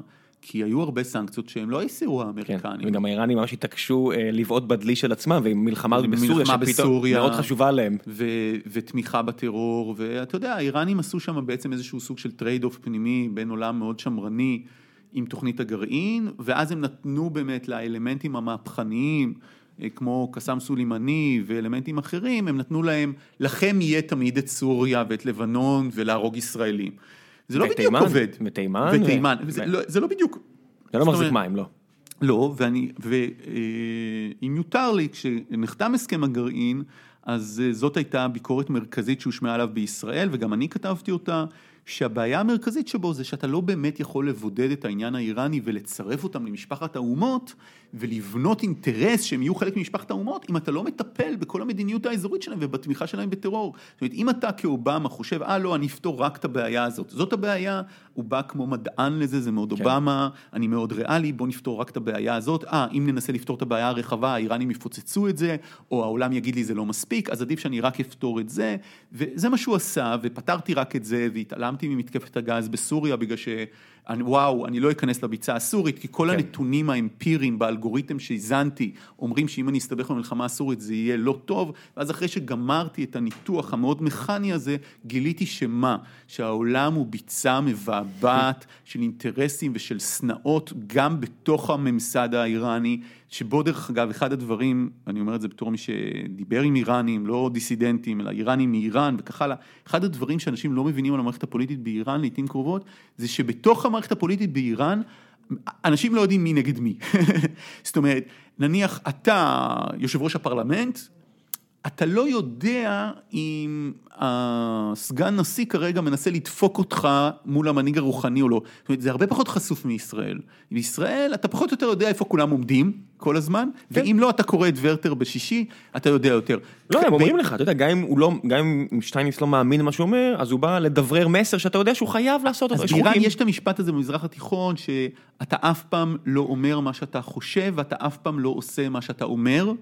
באיראן זה ממש ככה, זאת אומרת, אנשים באמת, המשפחה שגם חיה באיראן, שמעתי את זה מכלי אישי, אה, באמת אנשים אומרים דברים והם הפוכים למה שהם חושבים, והם אומרים אותם משום שהם לא רוצים שאתה תדע מה הם חושבים באמת, כי הם רוצים לפעול בדרך שלישית שאתה לא תדע אותה. עכשיו, זה משהו. שהוא מאוד מאוד מנוגד לתפיסה המערבית. הוא מאוד מנוגד גם לתפיסה הישראלית שהיא מאוד דוגרי. כביכול. כן, וכנות. כן. אה, ולפרצוף, ואני נהנה מזה שאני שם לך את זה בפרצוף, אני שם כן. לך מראה בפרצוף, אני אראה לך מאוד, מי כן. אתה באמת, כן. כן, ואז יש איזו התארות או משהו כזה, אז זה מנוגד לתפיסה המערבית והאירופאית. באמת אנשים נכנסים לפגישות באיראן כל הזמן, ואומרים להם שלושה דברים שונים שלא קשורים באמת למה שהצד השני חושב, וגם הצד השני לא אומר את אותו דבר, ואז הם יוצאים מהחדר, ואז הם מנסים לפענח מה קרה לו דרך צד רביעי, ואיזה דרך לא יעילה זאת להתנהל. זו דרך מאוד לא יעילה להתנהל, נכון? כן. זה חלק מה... אז יאללה, בוא- אגב, זה נעבור. לא המקום היחיד בעולם שבו זה מתנהל ככה. אבל- אני חייב לעצור אותך פה, כי יש לנו המון שאלות מהקהל ואני צריך אוקיי. כמה כדי שלא נתפזר פה יותר מדי עם הזמנים. כל השאלות האלה הם בפורום החיים עצמם של גיקונומי, אני בדרך כלל יום או יום, יום וחצי לפני אני מספר מי האורח שמגיע. אה, מחכות לך פה יותר מ-100 שאלות, מן הסתם לא נוכל לה- לה- לה- להתייחס אליהם, אבל נשתדל לפחות. אה, כן, ננסה לתת תשובות אה, קצרות, ננסה לרוץ על כמה מהן. אה, יאן שואל, אה, האם נדב חושב שיש מקום להביע, אה, להביע דעות אישיות, פוליטיות או אחרות בדיווח עיתונאי? אם כן, אשמח לשמוע למה כן, ואם לא, למה לא. נ"ב, הוא אוהב אותך מאוד. דעות אישיות פוליטיות. אני אני, לא יודע, תראה, לא יודע מה זה דעות אישיות פוליטיות, כעיקרון לא, כי בדיווח בטח שלא. בואו נתחיל מהסוף, התשובות הכי טובות הן תשובות, אני אוהב תשובות כאלה, זאת אומרת, לא מין, מצד אחד, מאידך, לא, בדיווח עיתונאי ממש לא. בפרשנות, גם כן לא דעות, זאת אומרת, לא באמת דעות, לא, אני חושב שמה שאתה צריך אה, להביא בפרשנות, לעיתים קרובות, זה איזשהו סוג של insight. עכשיו, כמובן שה insight, אתה יודע, זה כמו לפי מה שופטים שופטים, יש המון תפיסות לגבי זה, הם קודם מחליטים מה התוצאה הנכונה ואז הם מוצאים בחוק, או הם באמת עובדים דרך החוק, והתשובה היא שהם לא באמת עובדים דרך איזושהי נוסחה חוקית בסוף, זה הם בדרך כלל מרגישים מה, זאת אומרת, הם שומעים את כלל הראיות ויש, אז אותו דבר בפרשנות, אני, תמיד, יש, תמיד יש לכולנו הטיות, אני מודע להטיות, ואני מנסה לתקן את ההטיות. אה, זה ברור מהדיווחים שלי שאני מאוד ביקורתי כלפי חלק מההתבטאויות של דונלד טראמפ, אני לא באמת חושב שאפשר להתייחס בצורה לחלוטין שוות נפש לנשיא אמריקני שאומר אני יותר חכם מכולם, כל הזמן. כשבבירור הוא לא. אה, אני לא רוצה לא להגיד... יש אנשים שאתה אומר, אומר, אוקיי, הוא די חכם הבחור הזה. אבל לא, אולי כן יסתבר שהוא הכי חכם, החכם לא, מכל אדם, אבל לא, לא שלמה המלך כן. המודרני, אבל- אבל אבל כשהוא אומר דברים בסגנון הזה, או כשהוא אומר דברים שהם לא נכונים, אז אני חושב שצריך להצביע עליהם, ואני אני מבין את זה. מצד שני, אני מנסה לתקן את ה... כל הזמן, לזהות, ואז לתקן אם יש איזשהו סוג של... אז שלומי ארבל אה, ממשיך אה, את מה שאתה אומר, מתייחס למה שאתה אמרת, למרות שזה אסינכרוני, אז דבר ראשון מחמיא לך בו בכמה שורות, אני... אה, take my word, אותם? take- כן. take my word for it, ואז הוא אומר, אני די בטוח בפרק שדברו הרבה על טראמפ ומדיניותו, אבל אשאל בכל זאת, איזה הישג מבחינתך יגרום לנשיאות טראמפ להיות מוצלחת? להיחשב כמוצלחת. זאת שאלה טובה. אני חושב ש... אני, אג- אני אגיד משהו פרובוקטיבי. אם טראמפ יסיים את כהונתו הראשונה אה, ללא משבר כלכלי גדול, בלי אלימות רחבת היקף פוליטית באמריקה, בלי מלחמה בחוץ לארץ, בעיניי זאת תהיה הצלחה מסחררת. באמת. הוא- הוא- אני לא יודע, כרגע אם אני חייב להעריך את הצלחה הסיכויים, ביחס, כל דבר הצלחה ביחס למצב ציפיות, עצמו. בוודאי.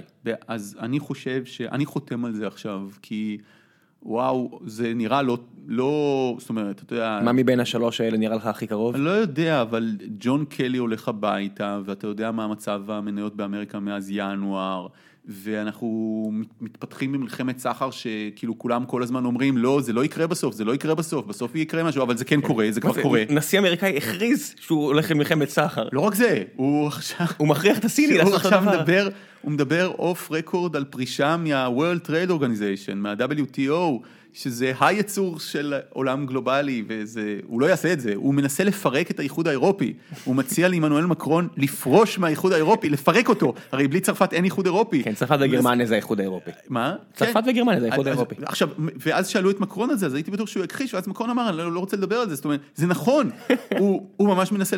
אז אני לא יודע לאן זה לוקח, אבל בוא נגיד שאני חותם על, זה שהקדנציה הזאת תסתיים ככה, עכשיו מבחינת תומכיו, אני אפילו לא יודע מה להגיד, תשמע, אני אתן לך סתם דוגמה, יוריד את ההגירה הלא חוקית ממקסיקו, מישהו יודע מה באמת ההגירה הלא חוקית מכיוון הגבול המקסיקני? אז התשובה היא שהיא ברמות מאוד נמוכות, היסטורית היא ברמות מאוד נמוכות, ההפך, המצב של מהגרים לא חוקיים באמריקה נמצא בירידה, ממתי אגב? מתקופת נשיא די אפקטיבי שקוראים לו ברק אובמה, שזיהה את הבעיה, ומאובמה, מ-2008, אנחנו בירידה, אז על מה אנחנו מדברים בעצם? אז הוא יוכל להגיד שהוא הצליח בזה. אם מבחינת תומכיו בסוף אתה רואה שהגירעון המסחרי של ארה"ב יצטמצם בצורה דרמטית, הוא יוכל להגיד שזאת הצלחה לשיטתו, הוא יגיע להסכם חדש של סחר. מרגנטליזם 2-0. כן, הוא יצליח להגיע להסכם עם הסינים, ש, שיצמצם את הגירעון המסחרי שם וכך הלאה. גירעון מסחרי, זאת אומרת, אה, למי שלא מכיר, אה, כרגע הברית מייבאת יותר משהיא אה, כן. מייצאת, אז להפוך את זה. עכשיו, דרך אגב, כלכלנים היום אומרים, בעיקר כלכלנים של שוק חופשי, גירעון מסחרי הוא לא, זאת אומרת לחברה מפותחת מהסוג האמריקני, גירעון מסחרי הוא לא דבר כל כך רע, ויש להם הרבה הסברים לזה, והם לא מבינים את כל האובססיה הזאת, אבל בוא נגיד שאם הוא יעשה את זה, הוא יוכל להגיד, שמעו, החזרתי המון כסף הביתה. זה לא נכון, זה לא דרך כלכלית כן. נכונה להסתכל על זה, אבל הוא יוכל להגיד שבמטרות שלו, הוא השיג את המטרה שלו. עכשיו, אם תשאל את טראמפ היום, איך הנשיאות שלך תחשב הצלחה? מה התשובה של טראמפ? בוא נראה אם אתה מכיר מספיק את טראמפ. אין לי מושג. אתה לא יודע? לא. אני כבר הצלחתי. מה, הבנתי. אני כבר הצלחתי. ברגע שנבחרתי הצלחתי. לא. פירקתי, צפון גוריאה היא כבר לא איום גרעיני. אה, אנחנו החזרנו את המפעלים הביתה בארצות הברית. המצב הכלכלי באמריקה הרבה יותר טוב ממה שהוא בתקופת כן. אובמה. הבורסה עלתה. אה, אה, האבטלה בשפל היסטורי. שופטים מתמנים כן, ימנים. שופטים מתמנים לבית המשפט העליון. ביטלנו אלפי רגולציות. אני עכשיו, עכשיו כבר השגתי כל כך הרבה, היה אומר לך טראמפ, שלא היו מאמינים כמה אני השגתי. ואני רק מתחיל את ההצלחה, ומכאן זה, אתה יודע, כמו שהוא אמר בקמפיין, אתם תהיו עייפים מכמה שאנחנו הולכים לנצח. אז מבחינתו, מבחינתו, זאת אומרת, הם כבר הצליחו. רק אנשים שלא מבינים את הרוח, ראש של טראמפ יכולים לשאול, בסוף הכהונה? טראמפ ביום השני של הכהונה כבר חשב שהוא הצליח. יש פה שאלה אה, קצת אה, פיקית. מור, אה, מורי אמיתי שואל, אה, יש תחושה שעיתונאי זה המקצוע היחידי במגזר הפרטי שאתה יכול לטעות בלי הפסקה מהניתוחים שלך ולא לשאת בהשלכות על ידי המעסיק. Mm-hmm. איך יוצרים רמה גבוהה יותר של מקצוענות בקרב עיתונאים, בעיקר בעולם שהולך ונעשה מבוסס דאטה יותר. Mm-hmm. אפשר לחשוב שבעסקים שמבוססים דאטה לא טועים. אה, אה, וחשבתי על זה ואיך זה יותר ברור, והנה, הוא אומר, מה, מהי פונקציית המטרה בכלל של עיתונאות בימינו? יש הרבה מאוד אנשים ש... א', התפקיד, של, ו... התפקיד של עיתונאים הוא לא לצדוק בהערכה שלהם, בטח שלא בתחזיות שלהם אה, צופות פני עתיד. זאת אומרת, זה ממש לא המטרה שלנו, זה לא מה שאנחנו מנסים לעשות ולא על זה משלמים לנו כסף. אם היו משלמים לנו כסף על זה, אז, אה, אז היו, פשוט צריך להחליף אותנו לקוראים בכתב יד אה, או, או, או, או בקפה או משהו כזה, אנחנו לא עושים את זה. מה שאנחנו צריכים לעשות זה להביא דיווחים אמינים על אמיתות בעולם, אמיתות שמתרחשות כרגע, והנס הספר שלי, זאת אומרת, הספר, אני חושב, מהתגובות שאני מקבל, אה, אנשים אומרים לי הרבה מאוד, אה, למדתי הרבה מאוד דברים שלא ידעתי, שזאת המטרה. עכשיו, הוא לא מנסה לצפות פני עתיד, הוא לא אומר זה וזה יקרה בעתיד. האתגר הכי גדול שלנו בעולם גלובלי היא בכלל, ואני מדבר גם על תאגידים כרגע, ואני מדבר על חברות סטארט-אפ כרגע, בכלל לא להבין מה יקרה מחר בבוקר. אנחנו מאוד רוצים להשיג את זה. הבעיות הכי יסודיות שלנו הם להבין את העכשיו. העכשיו הוא כל כך גמיש, העכשיו הוא כל כך מובילי, העכשיו הוא, הוא כל כך בעייתי. אנחנו מפתחים המון טכניקות לחיווי מיידי, ולחיווי שהוא מיידי על המיידי, ולהרוויח את החצי שנייה הזאת, וזה האתגר שלנו. האנשים הראשונים שמאבדים את העבודה שלהם בתאגידים אמריקנים גדולים עכשיו, זה אנשים שיושבים במה שנקרא מחלקת תכנון אסטרטגי וחושבים על מה יקרה עוד עשר שנים. כן. are you kidding me? כאילו אנחנו לא יודעים, הדוגמה שהבאתי לגבי תודעה גלובלית ואיך היא מייצרת צורך וביקוש, ואיך על הביקוש הזה צריך לענות בהיצע, אה, אנחנו לא יודעים כלום. אז אותו דבר עיתונאים, אני צריך להביא דיווחים אמינים על העולם, וזה דומה לטראמפלנד. אה, בטראמפלנד בשום פנים ואופן אני לא לוקח קרדיט אה, אה, על לחזות את הניצחון של טראמפ, כי לא חזיתי אותו. אגב, גם לא חשבתי במיוחד שהוא ינצח. תמיד הסתמכתי על הסקרים, הסקרים אמרו, הם הנתון האמפיר היחיד שיש לנו, הסקרים אמרו שככל הנראה הילרי קלינטון תנצח, ואם הוא ינצח, הסיכוי הוא סיכוי של 20 אחוז בערך לפי המודלים המתוחכמים, כן? זאת אומרת סיכוי יותר קטן ממה שהיא תנצח. אבל בטראמפלנד אמרנו, אה, יש לנו דאטה שאומר שמשהו קורה באמריקה בצווארון הכחול, ומשהו קורה במיעוטים באמריקה אחרי שמונה שנים של אובמה, ואם הדאטה הזה יתגלם, אז יכול להיות שהוא ינצח. ואז הלכנו ועשינו על זה סדרה. אז זה, זה התפקיד שלנו בתור עיתונאים, זאת אומרת, לקחת נושאים שמלחמת הסמים במקסיקו, אף אחד לא מדבר על מלחמת הסמים במקסיקו. בטח שלא ביחס לכמות ההרוגים בה. בדיוק, יש בחירות, ביום הזה שאנחנו מדברים, יום ראשון, יש בחירות במקסיקו, מאוד מאוד חשובות. ולא מדברים על זה, אבל מלחמת הסמים במקסיקו היא דוגמה קלאסית למלחמה בגלובליזציה. דווקא בגלל שהיא לא אתנית ודתית. היא מלחמה טהורה של גלובליזציה, כי היא מלחמה טהורה של ביקוש והיצע. כתבתי את זה בטוויטר לפני כמה ימים, ואורי כץ, שהוא כלכלן שכותב את דעת מיעוט בארץ. היה פה, כן, אפילו היה פה. כן, אז הוא כתב לי, אה, לא, זה של רגולציה, כי אם לא הייתם מטילים רגולציה על סמים... אתם. אה, לא, הוא לא כתב אתם. אם לא הייתה רגולציה על סמים, אז אה, זה, אז זאת אומרת, זה בגלל כן. התערבות ממשלתית. אז אוקיי, לא קיבלתי את הניתוח, הסברתי למה אני לא מקבל את זה, אבל, אבל אוקיי. למרות שזה טיעון חזק. זה, אמ, אפשר- אם- סמים חוקיים לגמרי בארצות הברית, מן הסתם פרוקטר אנד גמבל משתלטים על הרואין ולא ולא הקרטלים בטיחואנה. נכון. אה, אני מניח שהם פשוט יעברו למשהו מה- אחר לא חוקי. בדיוק, אבל מה גורם לך לחשוב שהקרטלים לא יהפכו להיות פרוקטר אנד גמבל, אם הם לגמרי חוקיים? ומי מייצר סמים הכי טוב בעולם? זה לא סמים, זה לא כמו לגדל אה, מריחואנה, שאפשר לעשות את זה בעציץ בבית. מי שמייצר סמים הכי טוב היום זה הקרטלים האלה, זה כמו שמי שייצר אלכוהול הכי טוב, המשיך לייצר אלכוהול בתקופת היובש וגם אחריה. בסדר, וה- אני מניח החבר'ה שמייצרים אלכוהול היום, כן. הרבה יש הרבה פחות drive-by shooting בשיקגו בגללם. אז הטיעון... יש יש drive-by מסיבות אחרות בשיקגו. הטיעון נגד שלי הוא שיש הרבה מאוד מקרים שבהם דווקא כשאין רגולציה ואין התערבות, אז נוצרת אלימות בגלל ביקוש והיצע. כמו למשל. כמו למשל מה שקורה היום באפריקה. מה זאת אומרת? באפריקה אתה יכול אה, לכרות את החומרים האלה, נכון? כן. אין מגבלה עולמית נגדם, אין מדינה חזקה, כן, נכון? זה- זה, זה, לא, לא, בוא, בוא... זה נ- פסודו רגולציה, אבל זה לא באמת. מה זה- פסודו זה- רגולציה? כי זה כי מערב? פרוע לגמרי. אה, אבל זה מה ש... זה מה לא- שהשוק החופשי כאילו רוצה, זה לא נכון.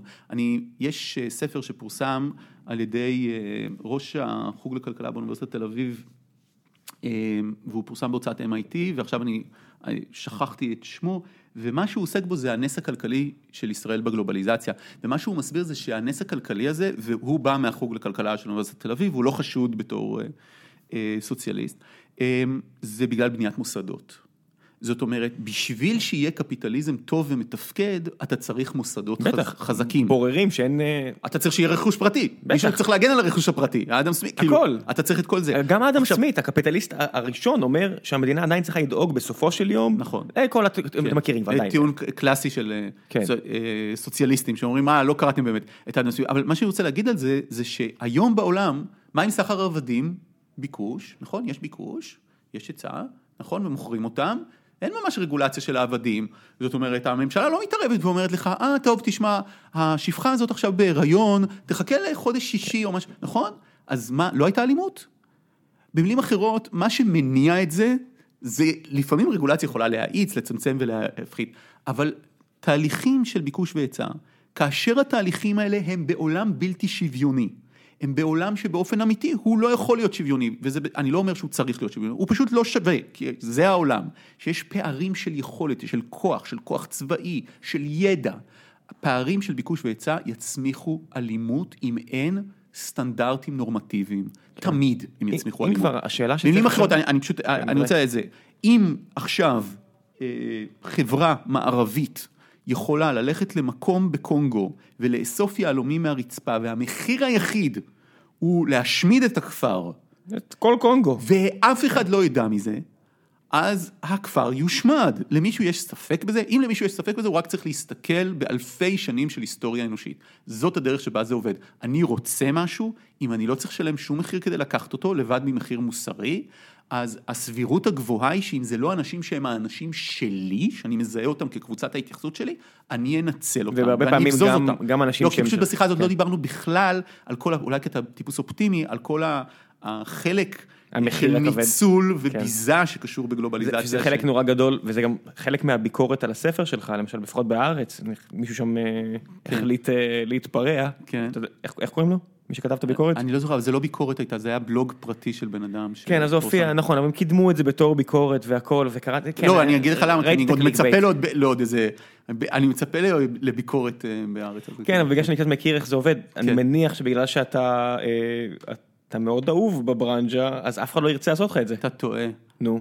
לא, אני אומר לך באמת, הד- הדבר הכי, אם ספר נמצא, ספר, זה כמו שאתה יודע, הספר כן. די נמכר, אה, הוא אה, זה, אז ההפך, זאת אומרת, אם אנחנו בענייני ברנז'ה, אני לא מנחש כמובן מה יקרה באיזה ביקורות כאלה ואחרות, וקיבלתי ביקורת מאוד טובה ב- ב- ששלי יחימוביץ' כתבה, ואני אני לא... אה, לא חבר של שלי יחימוביץ' לצורך העניין, אה, אבל אה, ההפך זה דווקא מאוד מעניין, אם ספר הוא מאוד מאוד מצליח, הדרך הטובה, אתה יודע, כן. לא, בארץ הכי קיצוני זה היה למשל עם דוב אלפון, שדוב אלפון מוציא ספר, אז באמת, אתה יודע, מי שיצטרך לבקר אותו, זה בעיה, זה בעיה עבורם, הוא בשר מבשרה. אה, אתה לא, מן הסתם לא בשר מבשרה של מערכת הארץ, אבל אתה די קרוב לזה.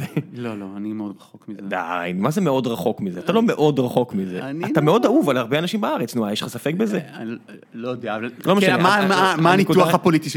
אם הניתוח הפוליטי שלך שהוא שבגלל זה אני לבטח אענה מאיזה... לא, להפך, אני חושב שבגלל זה לא תהיה ביקורת כנראה. אה, שמישהו לא ירצה, כי הוא יחשבו ש... לא משנה, נקודה, לא. אז מה שכן יצא שם כדמוי ביקורת באיזה בלוג בארץ, כן. תקפו את הספר על זה שאותו בחור תקף את הספר על זה שבעצם לא הצגת מספיק. כמה קפיטליזם וגלובליזציה זה רע, לא, בגלל אז- ניצול, כי הז- כי העזת לומר שבאפריקה אני- יש יותר ילדים חיים מאשר ילדים מתים תראה, אני היום אגיד לך בגלל- טעות אחת שאני לא מתכוון לעשות. אה, אני חושב שביקורות זה דבר טוב, ואני אה, לא חושב שזה דבר נבון.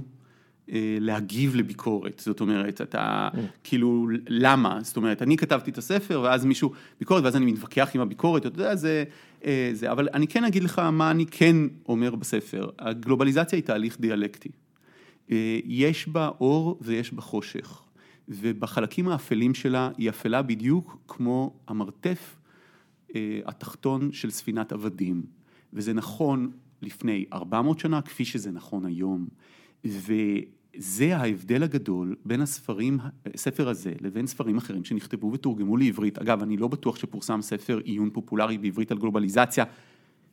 פרסה בעברית לפני זה, שהוא לא מתורגם, ספרים של תום פרידמן, שאני מראיין אותו בספר, הם ספרים שבסופו של דבר הרוח האופטימית המדהימה נושבת מהם, והתפיסות שלי הן תפיסות הרבה הרבה יותר ביקורתיות, משום שגם הבית ספר שבו למדתי גלובליזציה, ה-LSE, הוא בית ספר שהתפיסות שלו לגבי גלובליזציה הן סקפטיות. זאת אומרת, זה לא שיקגו. זה רחוק מאוד מלהיות שיקגו. וגם שיקגו, אז הנה רולניק זה שם האגודה בתור... אה, הפביאנית, כן. שזה, זה חבורה, אנשים שלימדו אותי, אמנם היה ביניהם אה, קפיטליסטים מושבעים, אבל היה ביניהם גם אנשים שהיו מרקסיסטים ממש. אוקיי, למי שלא מכיר, אתה בעצם מדבר על הלונדון סקול אוף ביזנס, איפה שלמדת.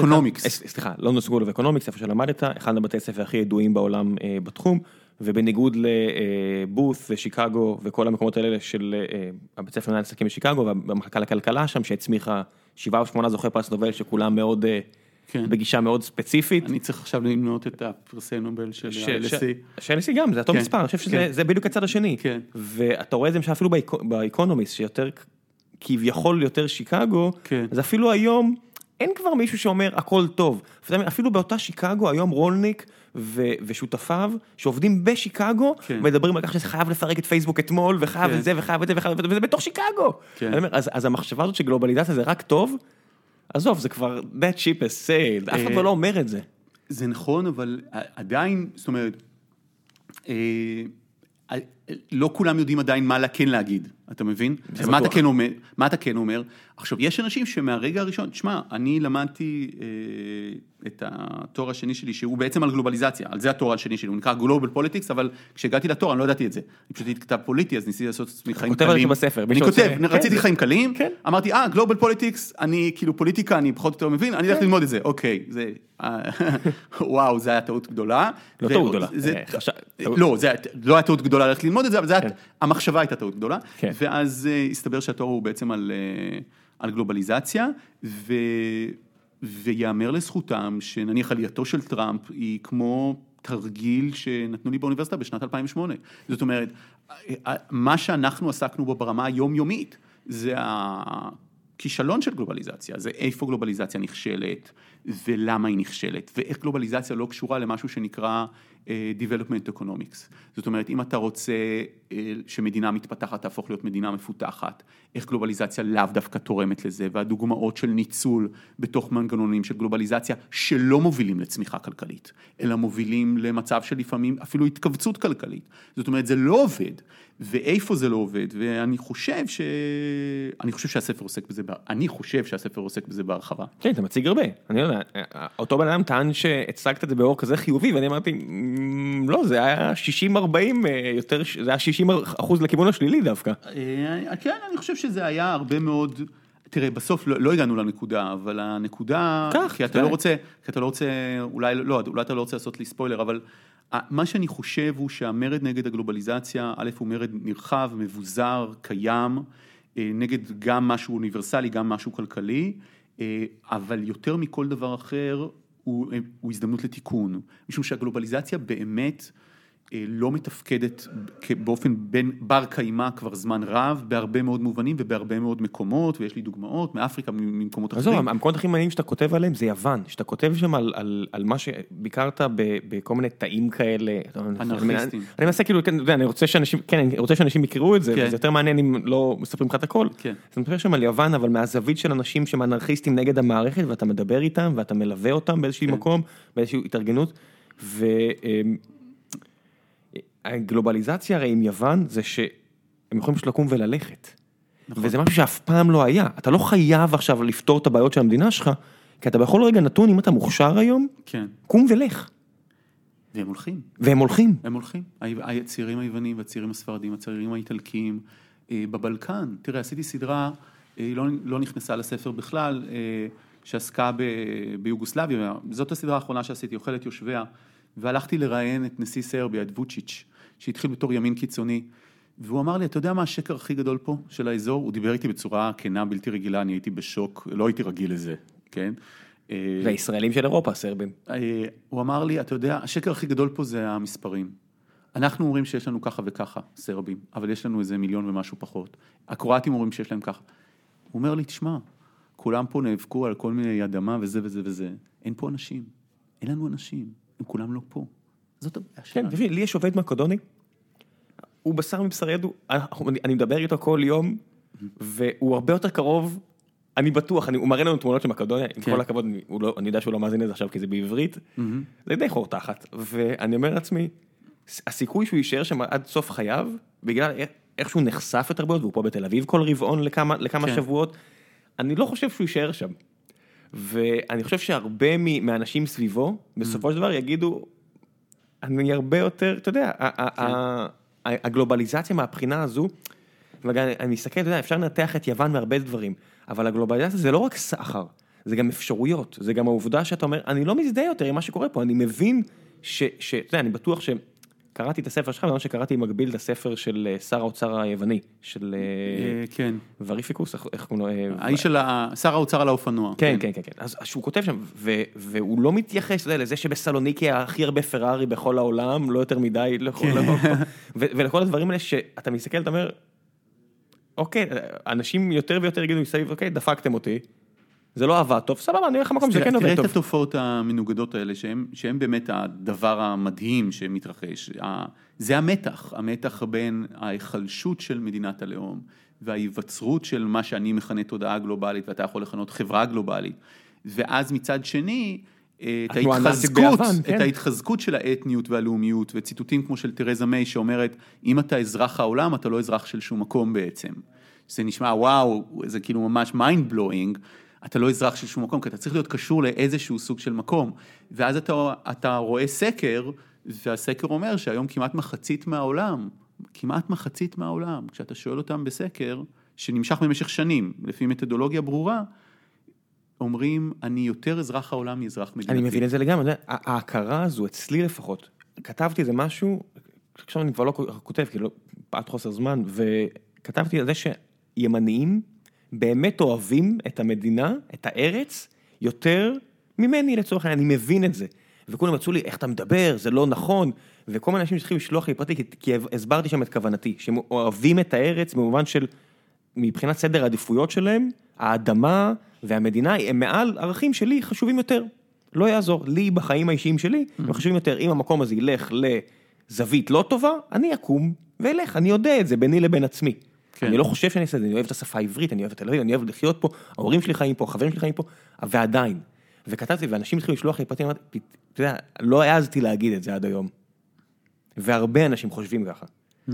ש, שהמחשבה הזאת של אני אוהב את המדינה, mm. אבל לא יותר מאשר דברים אחרים. אני יותר אוהב את המשפחה, את הערכים שלי בצורה כזו או אחרת, ואני יותר מזדהה כבר עם אנשים בערים אחרות מאשר עם אנשים, ערים אחרות בעולם, מאשר ערים אחרות בארץ בהרבה דברים. כן, אז, אז זאת שאלה, אז באמת מה, איזה, איזה מסלול של מחשבה ינצח בהקשרים האלה? זאת אומרת, השאלה היא, האם בעצם יכול להיות שכולם כבר ככה קצת? קצת כן, בטוח. לא, קצת, אני אומר בכוונה קצת, כי יש אנשים שחושבים באמת אחרת, אבל, ויש איזשהו סוג של ריאקציה, או שממש לא. ונניח איאן ברמר ב-Us vs. Them, שזה הספר ש, שהוא כתב, שעוסק בעצם בעניינים שאני עוסק בהם, אבל מזווית אחרת לגמרי והרבה יותר מחקרית, זאת אומרת, בסופו של דבר אני כתבתי ספר רפורטאז' שמספר על חוויות ומהם שאוהב data, אבל, והוא כתב בעיקר data, אמ, אז איאן ברמר, ככה הוא עושה את זה, ב-Us vs. Them זה בעצם ליברלים מול אנשים שהם לא ליברלים, אתה מרגיש כמו אזרח העולם, הוא מרגיש אה, מאוד קשור. ו, אבל זה, זה ויכוח שהוא מת, מתחולל, אתה יודע, אתה לומד אותו בקורס שנה ראשונה במדע המדינה, ההבדל בין אה, קהילתנות לבין אוניברסליות, mm-hmm. והוא ויכוח מאוד מאוד מודרני, ו, וזה בסדר, אבל... אבל מה שקורה עכשיו, שאני חושב שהוא מאוד מוחמץ, ואליו אני, אני, אני מדבר עליו, זה שבעצם המרד נגד הגלובליזציה אה, הפך להיות במידה רבה מאוד הנמר שעליו רוכב המרד נגד הקדמה. וזה הרבה יותר מטריד אותי. וצריך להסביר שיכולה להיות, יכול להיות עולם עם הרבה פחות גלובליזציה, תמיד יש סוג של גלובליזציה, אבל עדיין תהיה בו קדמה. כמו שיכול להיות, אה, יכולה להיות ברית המועצות שבה יש קדמה, אבל היא לא בדיוק בתוך קטע של סחר בינלאומי במיוחד, כן. או של קפיטליזם במיוחד, אבל קדמה יש. שאלה גם איזה קדמה, קדמה טכנולוגית או קדמה, קדמה אה, חברתית? קדמה רעיונית וקדמה טכנולוגית, ומבחינתם קדמה חברתית, אבל ערכים של לא, קדמה... לא, מה זה מבחינתם? הם נגד קדמה חברתית, אתה יודע, זה עדיין מדינה מאוד שמרנית. מברית ו... המועצות של אז? רוסיה של היום. לא, עזוב את רוסיה של היום, אני בכוונה אמרתי כן. ברית המועצות. Mm. עבורם הם היו שיא הקדמה החברתית. אה, הם, הם, אבל הם האמינו בערכי הקדמה. כן. אה, והבעיה המתפתחת שלנו באמת, באופן אמיתי בעולם, אה, היא שעידן הערעור הזה משמש בשביל מאבק בקדמה עצמה. מאבק בקדמה עצמה, ברעיונות של קדמה. עכשיו, אנשים אומרים, לא, זה שטויות וזה, עוד רגע רכב אוטונומי וכאלה.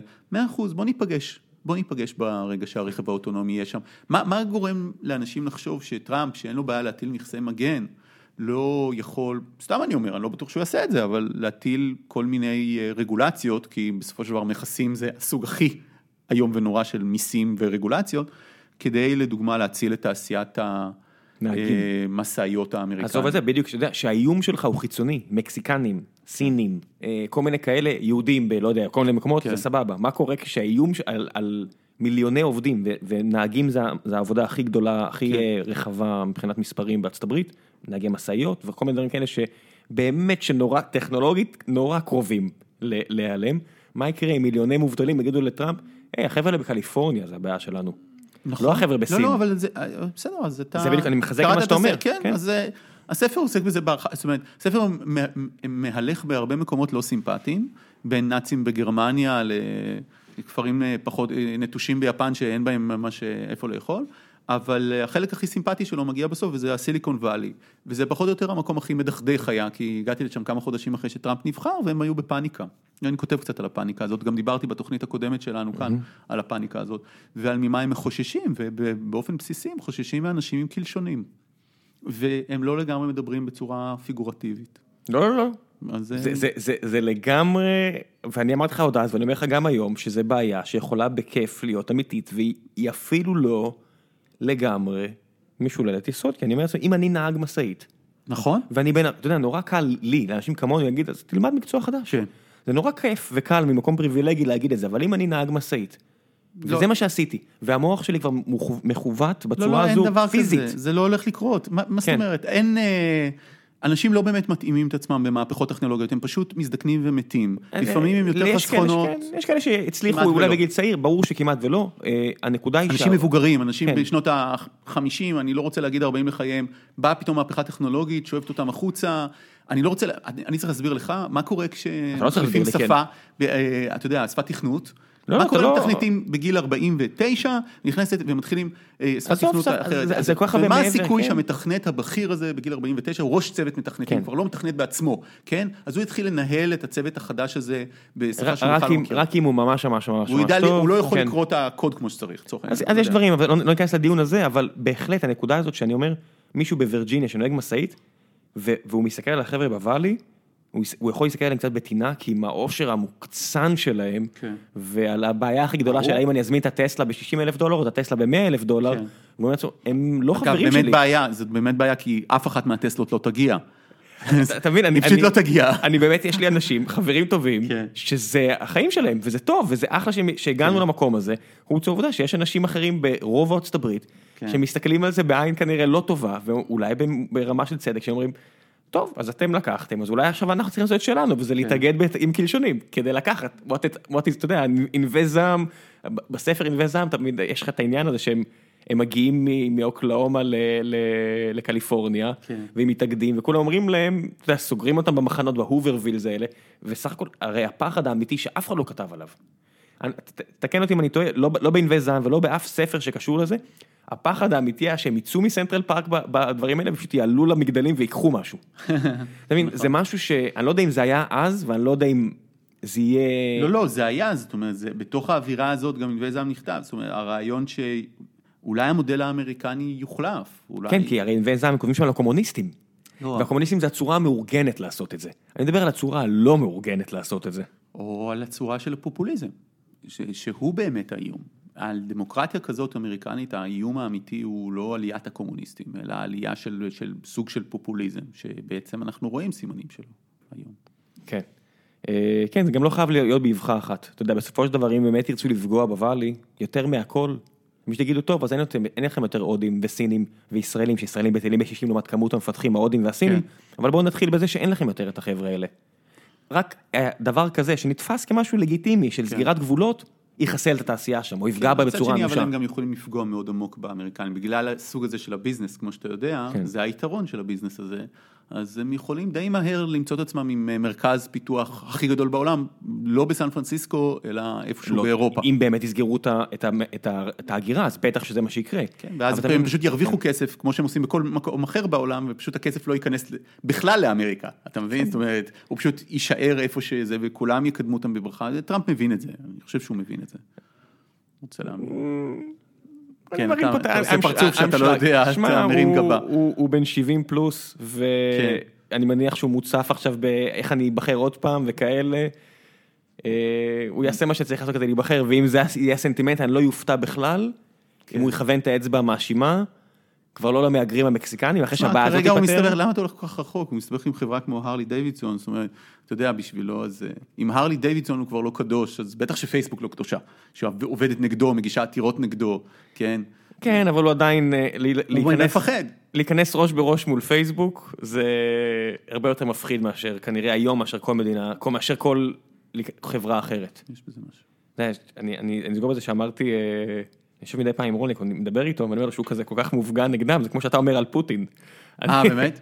אני לא יודע, לא. בעיניי, אתה יודע, שאתה אתה מנסה לחבל עכשיו בחברה ששווה חצי טריליון דולר בשלוש כאלה, אני- ובסופו של דבר, אתה יודע, זה היה אחד, אה, זה היה, לא שיפגעו בהם פיזית, אבל אתה יודע. אבל אה, זה, זה היה דוגמה נדירה, זה היה מאמר שפרסמתי על אה, גוגל ויוטיוב וביבי. פרסמתי אותו לפני כמה שנים, ודיברתי על הדרך שבה, גוגל ופייסבוק, סליחה, לא גוגל ויוטיוב. ו, והוא באופן נדיר הופיע, אם אני זוכר נכון, בשלושה כלי תקשורת. הוא הופיע בהתחלה בליברל, ואז דה מרקר פר, פרסמו אותו, או העלו כן, אותו, כן. וזה, ואני חושב שהוא הופיע גם אה, במאקו. וזה אומר לך משהו, אתה יודע, כל כלי התקשורת.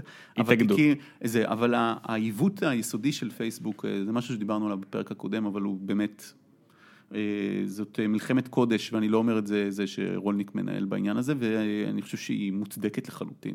זאת אומרת, כל מי שעוסק גם בתחום הזה יודע כמה היא מוצדקת. אתם, אתה יודע, בלי אה, להעליב כן. אף אחד, אתם באיזשהו מקום, לא נהגי המשאית, כי, עושים- כי המשאית היא רק המדיום. לא, אבל, אתה, אתה יכול לדבר חופשי, זה בסדר. לא, כי תמיד לכתוב, אתה יכול לכתוב גם במקום אחר, אבל המדיום והצורת הכנסה מאוימת מאוד. מה זה מאוימת מאוד? ברור, בוא, אני, ברור, אם זה לא ברור למאזינים, אנחנו מדברים, כי יש פה, כן, יש פה פוזיציה. vested interest ופוזיציה. אה, פייסבוק מבצעת קניבליזציה לתוכן שלנו בסופו של דבר. אה, היא עושה את זה באופן עקבי ובהתמדה, היא לא הקימה בעצמה, בזמנו היה דיבור על זה של פייסבוק ניוז, זאת אומרת שהיא תעסיק אנשים לצורך העניין השבוע שייצרו יצא תוכן. הפעם הראשונה תוכן שפייסבוק עצמה עשה, וזה גם, וגם זה, כן. זה עסקי, אה, אתה יודע, דברים שאני קורא, השטויות שאני קורא של אה, מנהל עסקים סטארט-אפי, לא מעניין אחוז של האחוז של האחוז אז מהאנשים. כשפייסבוק אה, כן. שמה את הלינקים האלה אצלה, אז כן, זה יכול לעודד traffic אל תוך האתרים שלנו, אבל באופן בסיסי מה שקורה זה שהיא מתחרה בנו במדיה, היא מתחרה בפרסום. ובגלל שהיא פייסבוק, אז היא יכולה לטרוף שווקים מקומיים. היא עשתה את זה, מה זה היא יכולה? היא עשתה את זה. היא טורפת, נכון, היא ויוטיוב. אגב, יוטיוב הם איום הרבה יותר גדול, נניח בתוך העולם הטלוויזיוני. מאשר פייסבוק, פייסבוק היא עולם יותר מאיים על עיתונים אני חושב היום, אבל המשמעויות של זה מבחינת כלי תקשורת ותיקים וממוסדים מאוד מאוד קשות. וברור שזה נכון לגבי ערוצי טלוויזיה ונכון לגבי עיתונים והבעיה הבסיסית היא פרסומות והבעיה הלא בסיסית היא שבניגוד למקומות אחרים בעולם כל השוק של דוברי עברית בעולם הוא שבעה מיליון בני אדם. ואם אתה יכול לפרסם באמצעות פלטפורמה זרה אל תוך השוק הזה והיא הרבה יותר זולה, שבעה מיליון בני אדם דוברי עברית רק בארץ יש שמונה מיליון, הם לא כולם דוברי עברית? לא, כן, לא, שהשפה המרכזית שלהם היא עברית. מאה אחוז, שהשפה הראשית, כן, כן, כן. שאתה תפרסם להם בעברית, זה כן. שבעה מיליון. אז, אז האנשים האלה הם אנשים שעכשיו אני יכול להביא פלטפורמה זרה ש, שאתה יכול לפרסם בה בעברית בעצם לקהל הזה, והיא יושבת בכלל באירלנד ולא משלמת מע"מ. ומוכרת פה פרסומות, וזה בדיוק המצב, ולא משלמת פה מס, גם חברות לצורך העניין. היא יכולה לטרגט מפרסמים, למפרסמים הרבה יותר טוב, ברור. ויכולה לטרגט מעולה, ולא הרבה יותר טוב, היום קמה חברה של המפרסמים הישראלים, והיא מטרגטת טוב, אבל... אבל אני... בהצלחה שיהיה להם. התוצאה, ש... כן. התוצאה של זה היא, היא, היא השמדת עולמי תוכן מקומיים. אגב, פעם שאלתי מישהו בפייסבוק על זה, בדרגה די אה, בכירה. והוא אמר לי, האמת היא שאנחנו באמת עובדים עם פאבלישרס באמריקה, על איך הם יכולים אה, לעבוד יחד איתנו על האתר שלהם, ולפתח ו traffic וזה, אבל האמת שאתה צודק, באמת 70 אחוז מה users של פייסבוק הם לא באמריקה, ועל זה אנחנו לא מתמקדים בזה. עכשיו, מה, אוקיי, כן, זה מה שאתם לא, רק 70 אחוז ואתם לא מתמקדים בזה, מה אתם עושים, כאילו... זאת אומרת, כשעולם התוכן הישראלי יקרוס לתוך עצמו, ואף אחד לא יוכל להתפרנס בו, ולא יוכלו לייצר פה תוכן מקורי בזה. תוכן מקצועי, כן. מקצועי בכלל. אז מה, אתם תגידו, אה, טוב, האמת שסליחה, טעינו, זאת אומרת, כמו דינוזאור, שבמקרה הוא דרך. על איזה מין קן נמלים טיפה קטן כזה והמשיך ללכת, ועבורו כל העולם הזה הוא קן נמלים קטן כזה, זה, זה שורה 0.00006 מהרווח העולמי של פייסבוק. חד משמעית, ואתה אומר גם אתם תגידו, who is אתם, תחשוב, זה, זה הקטע גם בגוף, בגוף כמו פייסבוק, אתה אומר מי זה אתם, ה product manager שיכול עכשיו לעשות מהלך שיחסל את התקשורת הישראלית עם מהלך כזה או אחר, עם stories או לא יודע מה, מחר הוא יהיה בחברה אחרת. אתה אומר, אתם תגידו סליחה, אין אתם. אין אתם. לא, בסדר. ועוד בפייסבוק זה חברה מאוד שונה מהבחינה הזאת שיש מישהו אחד שהוא הסמל של החברה הזאת והוא באמת שולט בה. והוא דאג לזה שהוא יוכל לשלוט בה, אבל בחברה אה, מסחרית רגילה. אבל הטענה היא דרך אגב היא לא כן. לפייסבוק, באמת אין לי שום טענה לפייסבוק, פייסבוק היא תאגיד, המטרה של תאגיד זה להביא כסף, להשיא, להשיא תמורה כן. לבעלי המניות שלו, כן. ו, ובמובן הזה זה בסדר, וגם הטענה דרך אגב של רולניק, אה, זה, זאת אומרת השאלה זה מה המחוקק עושה. מה הרגולטור עושה בעניין. וזה, והתשובה היא, וכתבתי על זה המון, אני כותב על זה הרבה, כי באמת כן. הייתה לי תחושה שבישראל זה מין, אתה יודע, זה עניין של דורות, כאילו יש את הדור הזה של, זה אינטרנט. אה, וואי, זה הכל אינטרנט, אתה מכיר את זה? בטח. זה באינטרנט. זה איזה מין אה, גלימה של מיסטיקה כזאת, היא נודפת, הכל טוב באינטרנט, והעולם הוא טוב בגלל האינטרנט. וזה, ויש כאלה שזה כאילו הדור שלנו של... מה, זה עסק, וזה עסק, וזה עסק, ומה אתה מוכר? אתה יודע, לא, אני בסטארט-אפ, מה אתה עושה? מה אתה מוכר? מה אתה מוכר? בטח. כן, מה, הסיפור שלך? גם משקיעים שואלים את זה היום. בדיוק, זאת אומרת, כן. לא, אנחנו חושבים לעשות את זה, אוקיי, מה אתה הולך למכור? מה, איך... מאיפה הכסף? מאיפה אתה תרוויח כסף? זאת אומרת, אלה שאלות שתמיד שואלים בכל ביזנס, והפסיקו לשאול אותם באיזשהו שלב, הפוליטיקאים... חזרו, חזרו לשאול, אני אסגור לך את הפינה, חזרו לא, לשאול. לא, אבל הפוליטיקאים הם כן. עדיין... תראה, הם בני 60, הם בני 70, זה נורא מעניין, הם מתחככים במודרנה, הא, פגשתי את מנכ"ל... כולל אובמה, אובמה משחק גולפי טוב, הוא משחק גולפי טוב, הוא יהיה, הוא, אתה יודע, אם, אם לא הייתה ביקורת על אובמה, הוא כבר מזמן היה ויסי. הוא כבר מזמן היה שותף בסקויה, או שותף בלייטספיד, הוא מזמן כבר היה שם. זה, זה, וזה נפלא, עכשיו תגידו, יש איזשהו סיכוי שבואו נדבר על מה הדבר הזה באמת עושה, ואיך הוא משפיע על חיים אנושיים, ומה המובנים החוקיים, איך אנחנו מתייחסים אליו, כשאנחנו אומרים משטר מיסוי בינלאומי, הרי מה שמפריע לנו זה לא קרטל היהלומים דה בירס, מה שמפריע לנו זה החברות האלה, זאת אומרת, האם זה באמת הגיוני שתשלומי המס שלהם יהיו כאלה? ברצינות, זאת אומרת, גם מה הם יעשו עם כל, בינינו, מה הם יעשו עם כל הכסף הזה? זאת אומרת, בסופו של דבר, זאת אומרת, אה, התמ"ג שלהם יותר גדול מתמ"ג של מדינות, נכון, אבל הם לא יכולים לעשות דברים שמדינות עושות. למה הם לא יכולים לעשות, אתה יודע? כי הרגולציה הישנה דופקת אותם. כי אתה מבין, אפל, אם עכשיו אתה יכולה, לאפל עכשיו יש מספיק כסף לקנות את ארבעת האולפנים הגדולים של הוליווד. כן. הם לא יעשו את זה, כי זה ימשוך יותר מדי תשומת לב מהרגולטור שמתעסק עדיין בתחומים שהוא כן מבין. לא, אבל יש גם שזה דברים- מונופול שנורא קל להבין אותו. במובן הזה אני כן שמרן. יש דברים טובים שרק קהילות כגופים פוליטיים יכולות לעשות, במילים אחרות מדינות. יש דברים מסוימים שהפונקציה הכי טובה שהן עושות זה מדינות, לדוגמה. מדינות הם הדבר שהכי מגן טוב על ביטחון של אזרחים כשהן עושות את זה. כן. זאת אומרת, באמת באמת לא היינו רוצים להפריט את זה לחברה מסחרית שמה שהיא רוצה זה שורת רווח, כי אז יישב איזה אלגוריתם ויגיד, אה, את הבחור הזה לא כדאי להציל. לא כדאי להציל אותו כי זה יעלה יותר מדי, זה יעלה בחיי שני שוטרים. אז לא, אנחנו ניתן למות. עכשיו, זה יכול להיות מסחרית ותאגידית נכון, אבל, אבל נורמטיבית אנחנו לא רוצים עולם כזה, נכון? אנחנו רוצים לפטר את מפקד המשטרה שחושב ככה, אנחנו רוצים לזרוק את הפוליטיקאי שחושב כן. ככה, אז אנחנו צריכים את הגופים האלה שנקראים מדינות, והתאגידים הגדולים האלה פשוט לא יכולים לעשות את זה עם כל ה... זה שלהם. זאת אומרת, יש דברים שאגודות צדקה יכולות לעשות, נניח גייטס, אוקיי? הוא מחסל את המלריה. הוא באמת מחסל את המלריה, וזה באמת ייזקף אה, לאגודת הצדקה של בני הזוג גייטס, וכל הכבוד להם. אבל האם הוא מחסל את המלריה, או יכול להיות שכל המדינות האלה שהסכימו לתת לו את הדריסת רגל, והסכימו לפשוט את הכוח שלהם, גם וגם. והסכימו לשתף פעולה. מאה אחוז, אז יש דברים שמדינות צריכות לעשות, ו- ובסוף העניין הזה, זה שהם לא מזהים את זה פייסבוק, הם בכלל לא מזהים את זה, הם לא, הם לא מבינים עדיין אחרי הכל, כולל התדרוכים של צוקרברג בקפיטול וזה, הם לא מזהים את גודל המכה האפשרית. אז שוב, אני אומר, מי זה הם?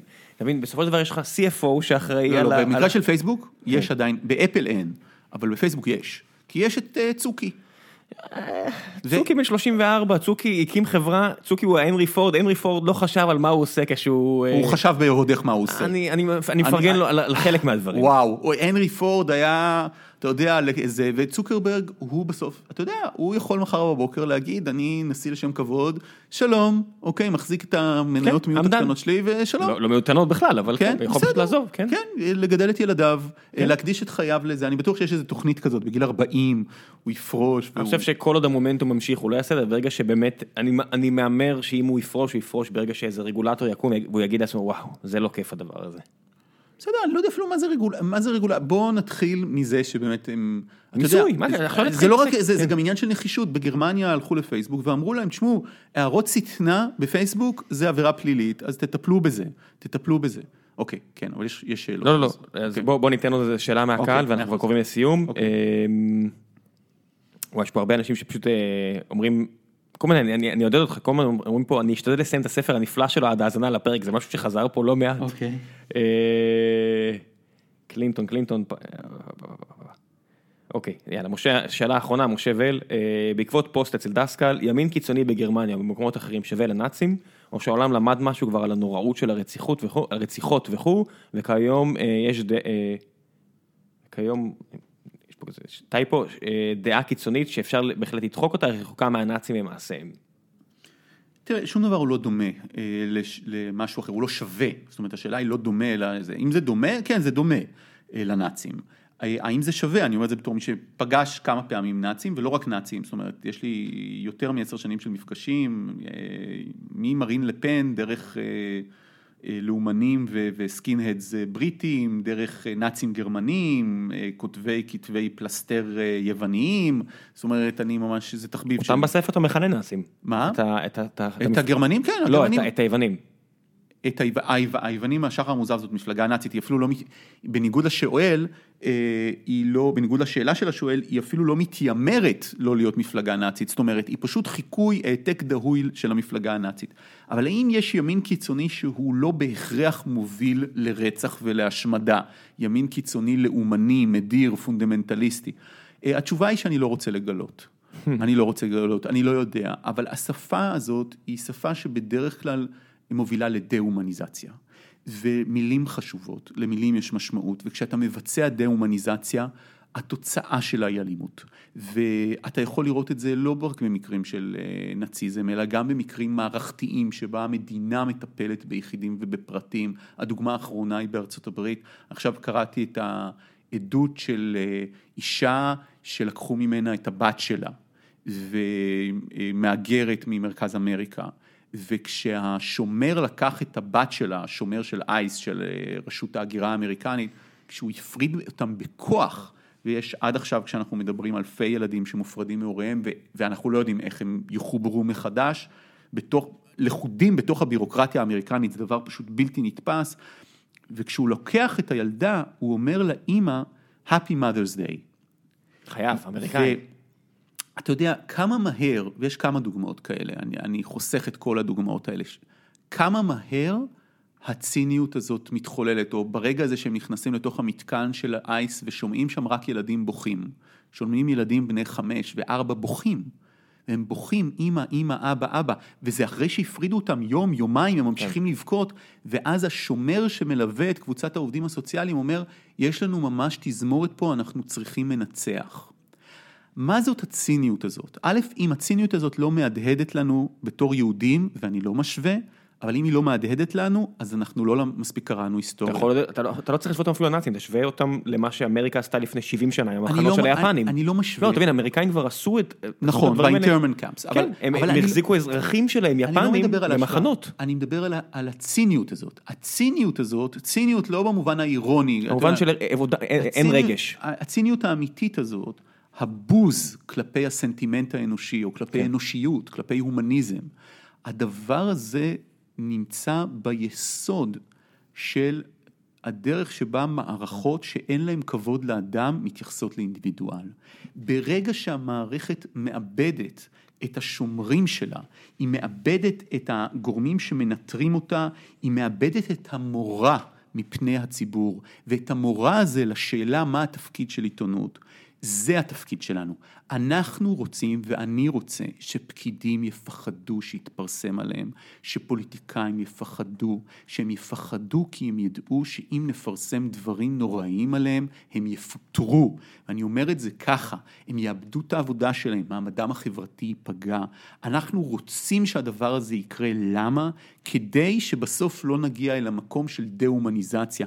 והדה-הומניזציה הזאת יכולה להיות בסיטואציות מסוימות על ידי ימין קיצוני ליהודים או למוסלמים, היא יכולה להיות לפלסטינים לצורך העניין, היא יכולה להיות דה-הומניזציה לאנשים שהם ישראלים רגילים שבאים לביטוח הלאומי. הדה-הומניזציה הזאת היא היסוד של הרע, ולפעמים היא יכולה להיות מספיק מאורגנת, אידיאולוגית וחברתית, הקבוצה שלי מול הקבוצה שלך, לא דה-הומניזציה של איזה פקיד פסיכופת אחד שהחליט למרר את חייך, אלא דה-הומניזציה של מסד שלם שמחליט למרר את חייך, ואז זה באמת אידיאולוגיה, ואז זה ימין קיצוני, ואז זה השבט שלי, או הגזע שלי, או הלאום שלי, והדבר הזה הוא איום חמור וימשיך להיות איום חריף על מה?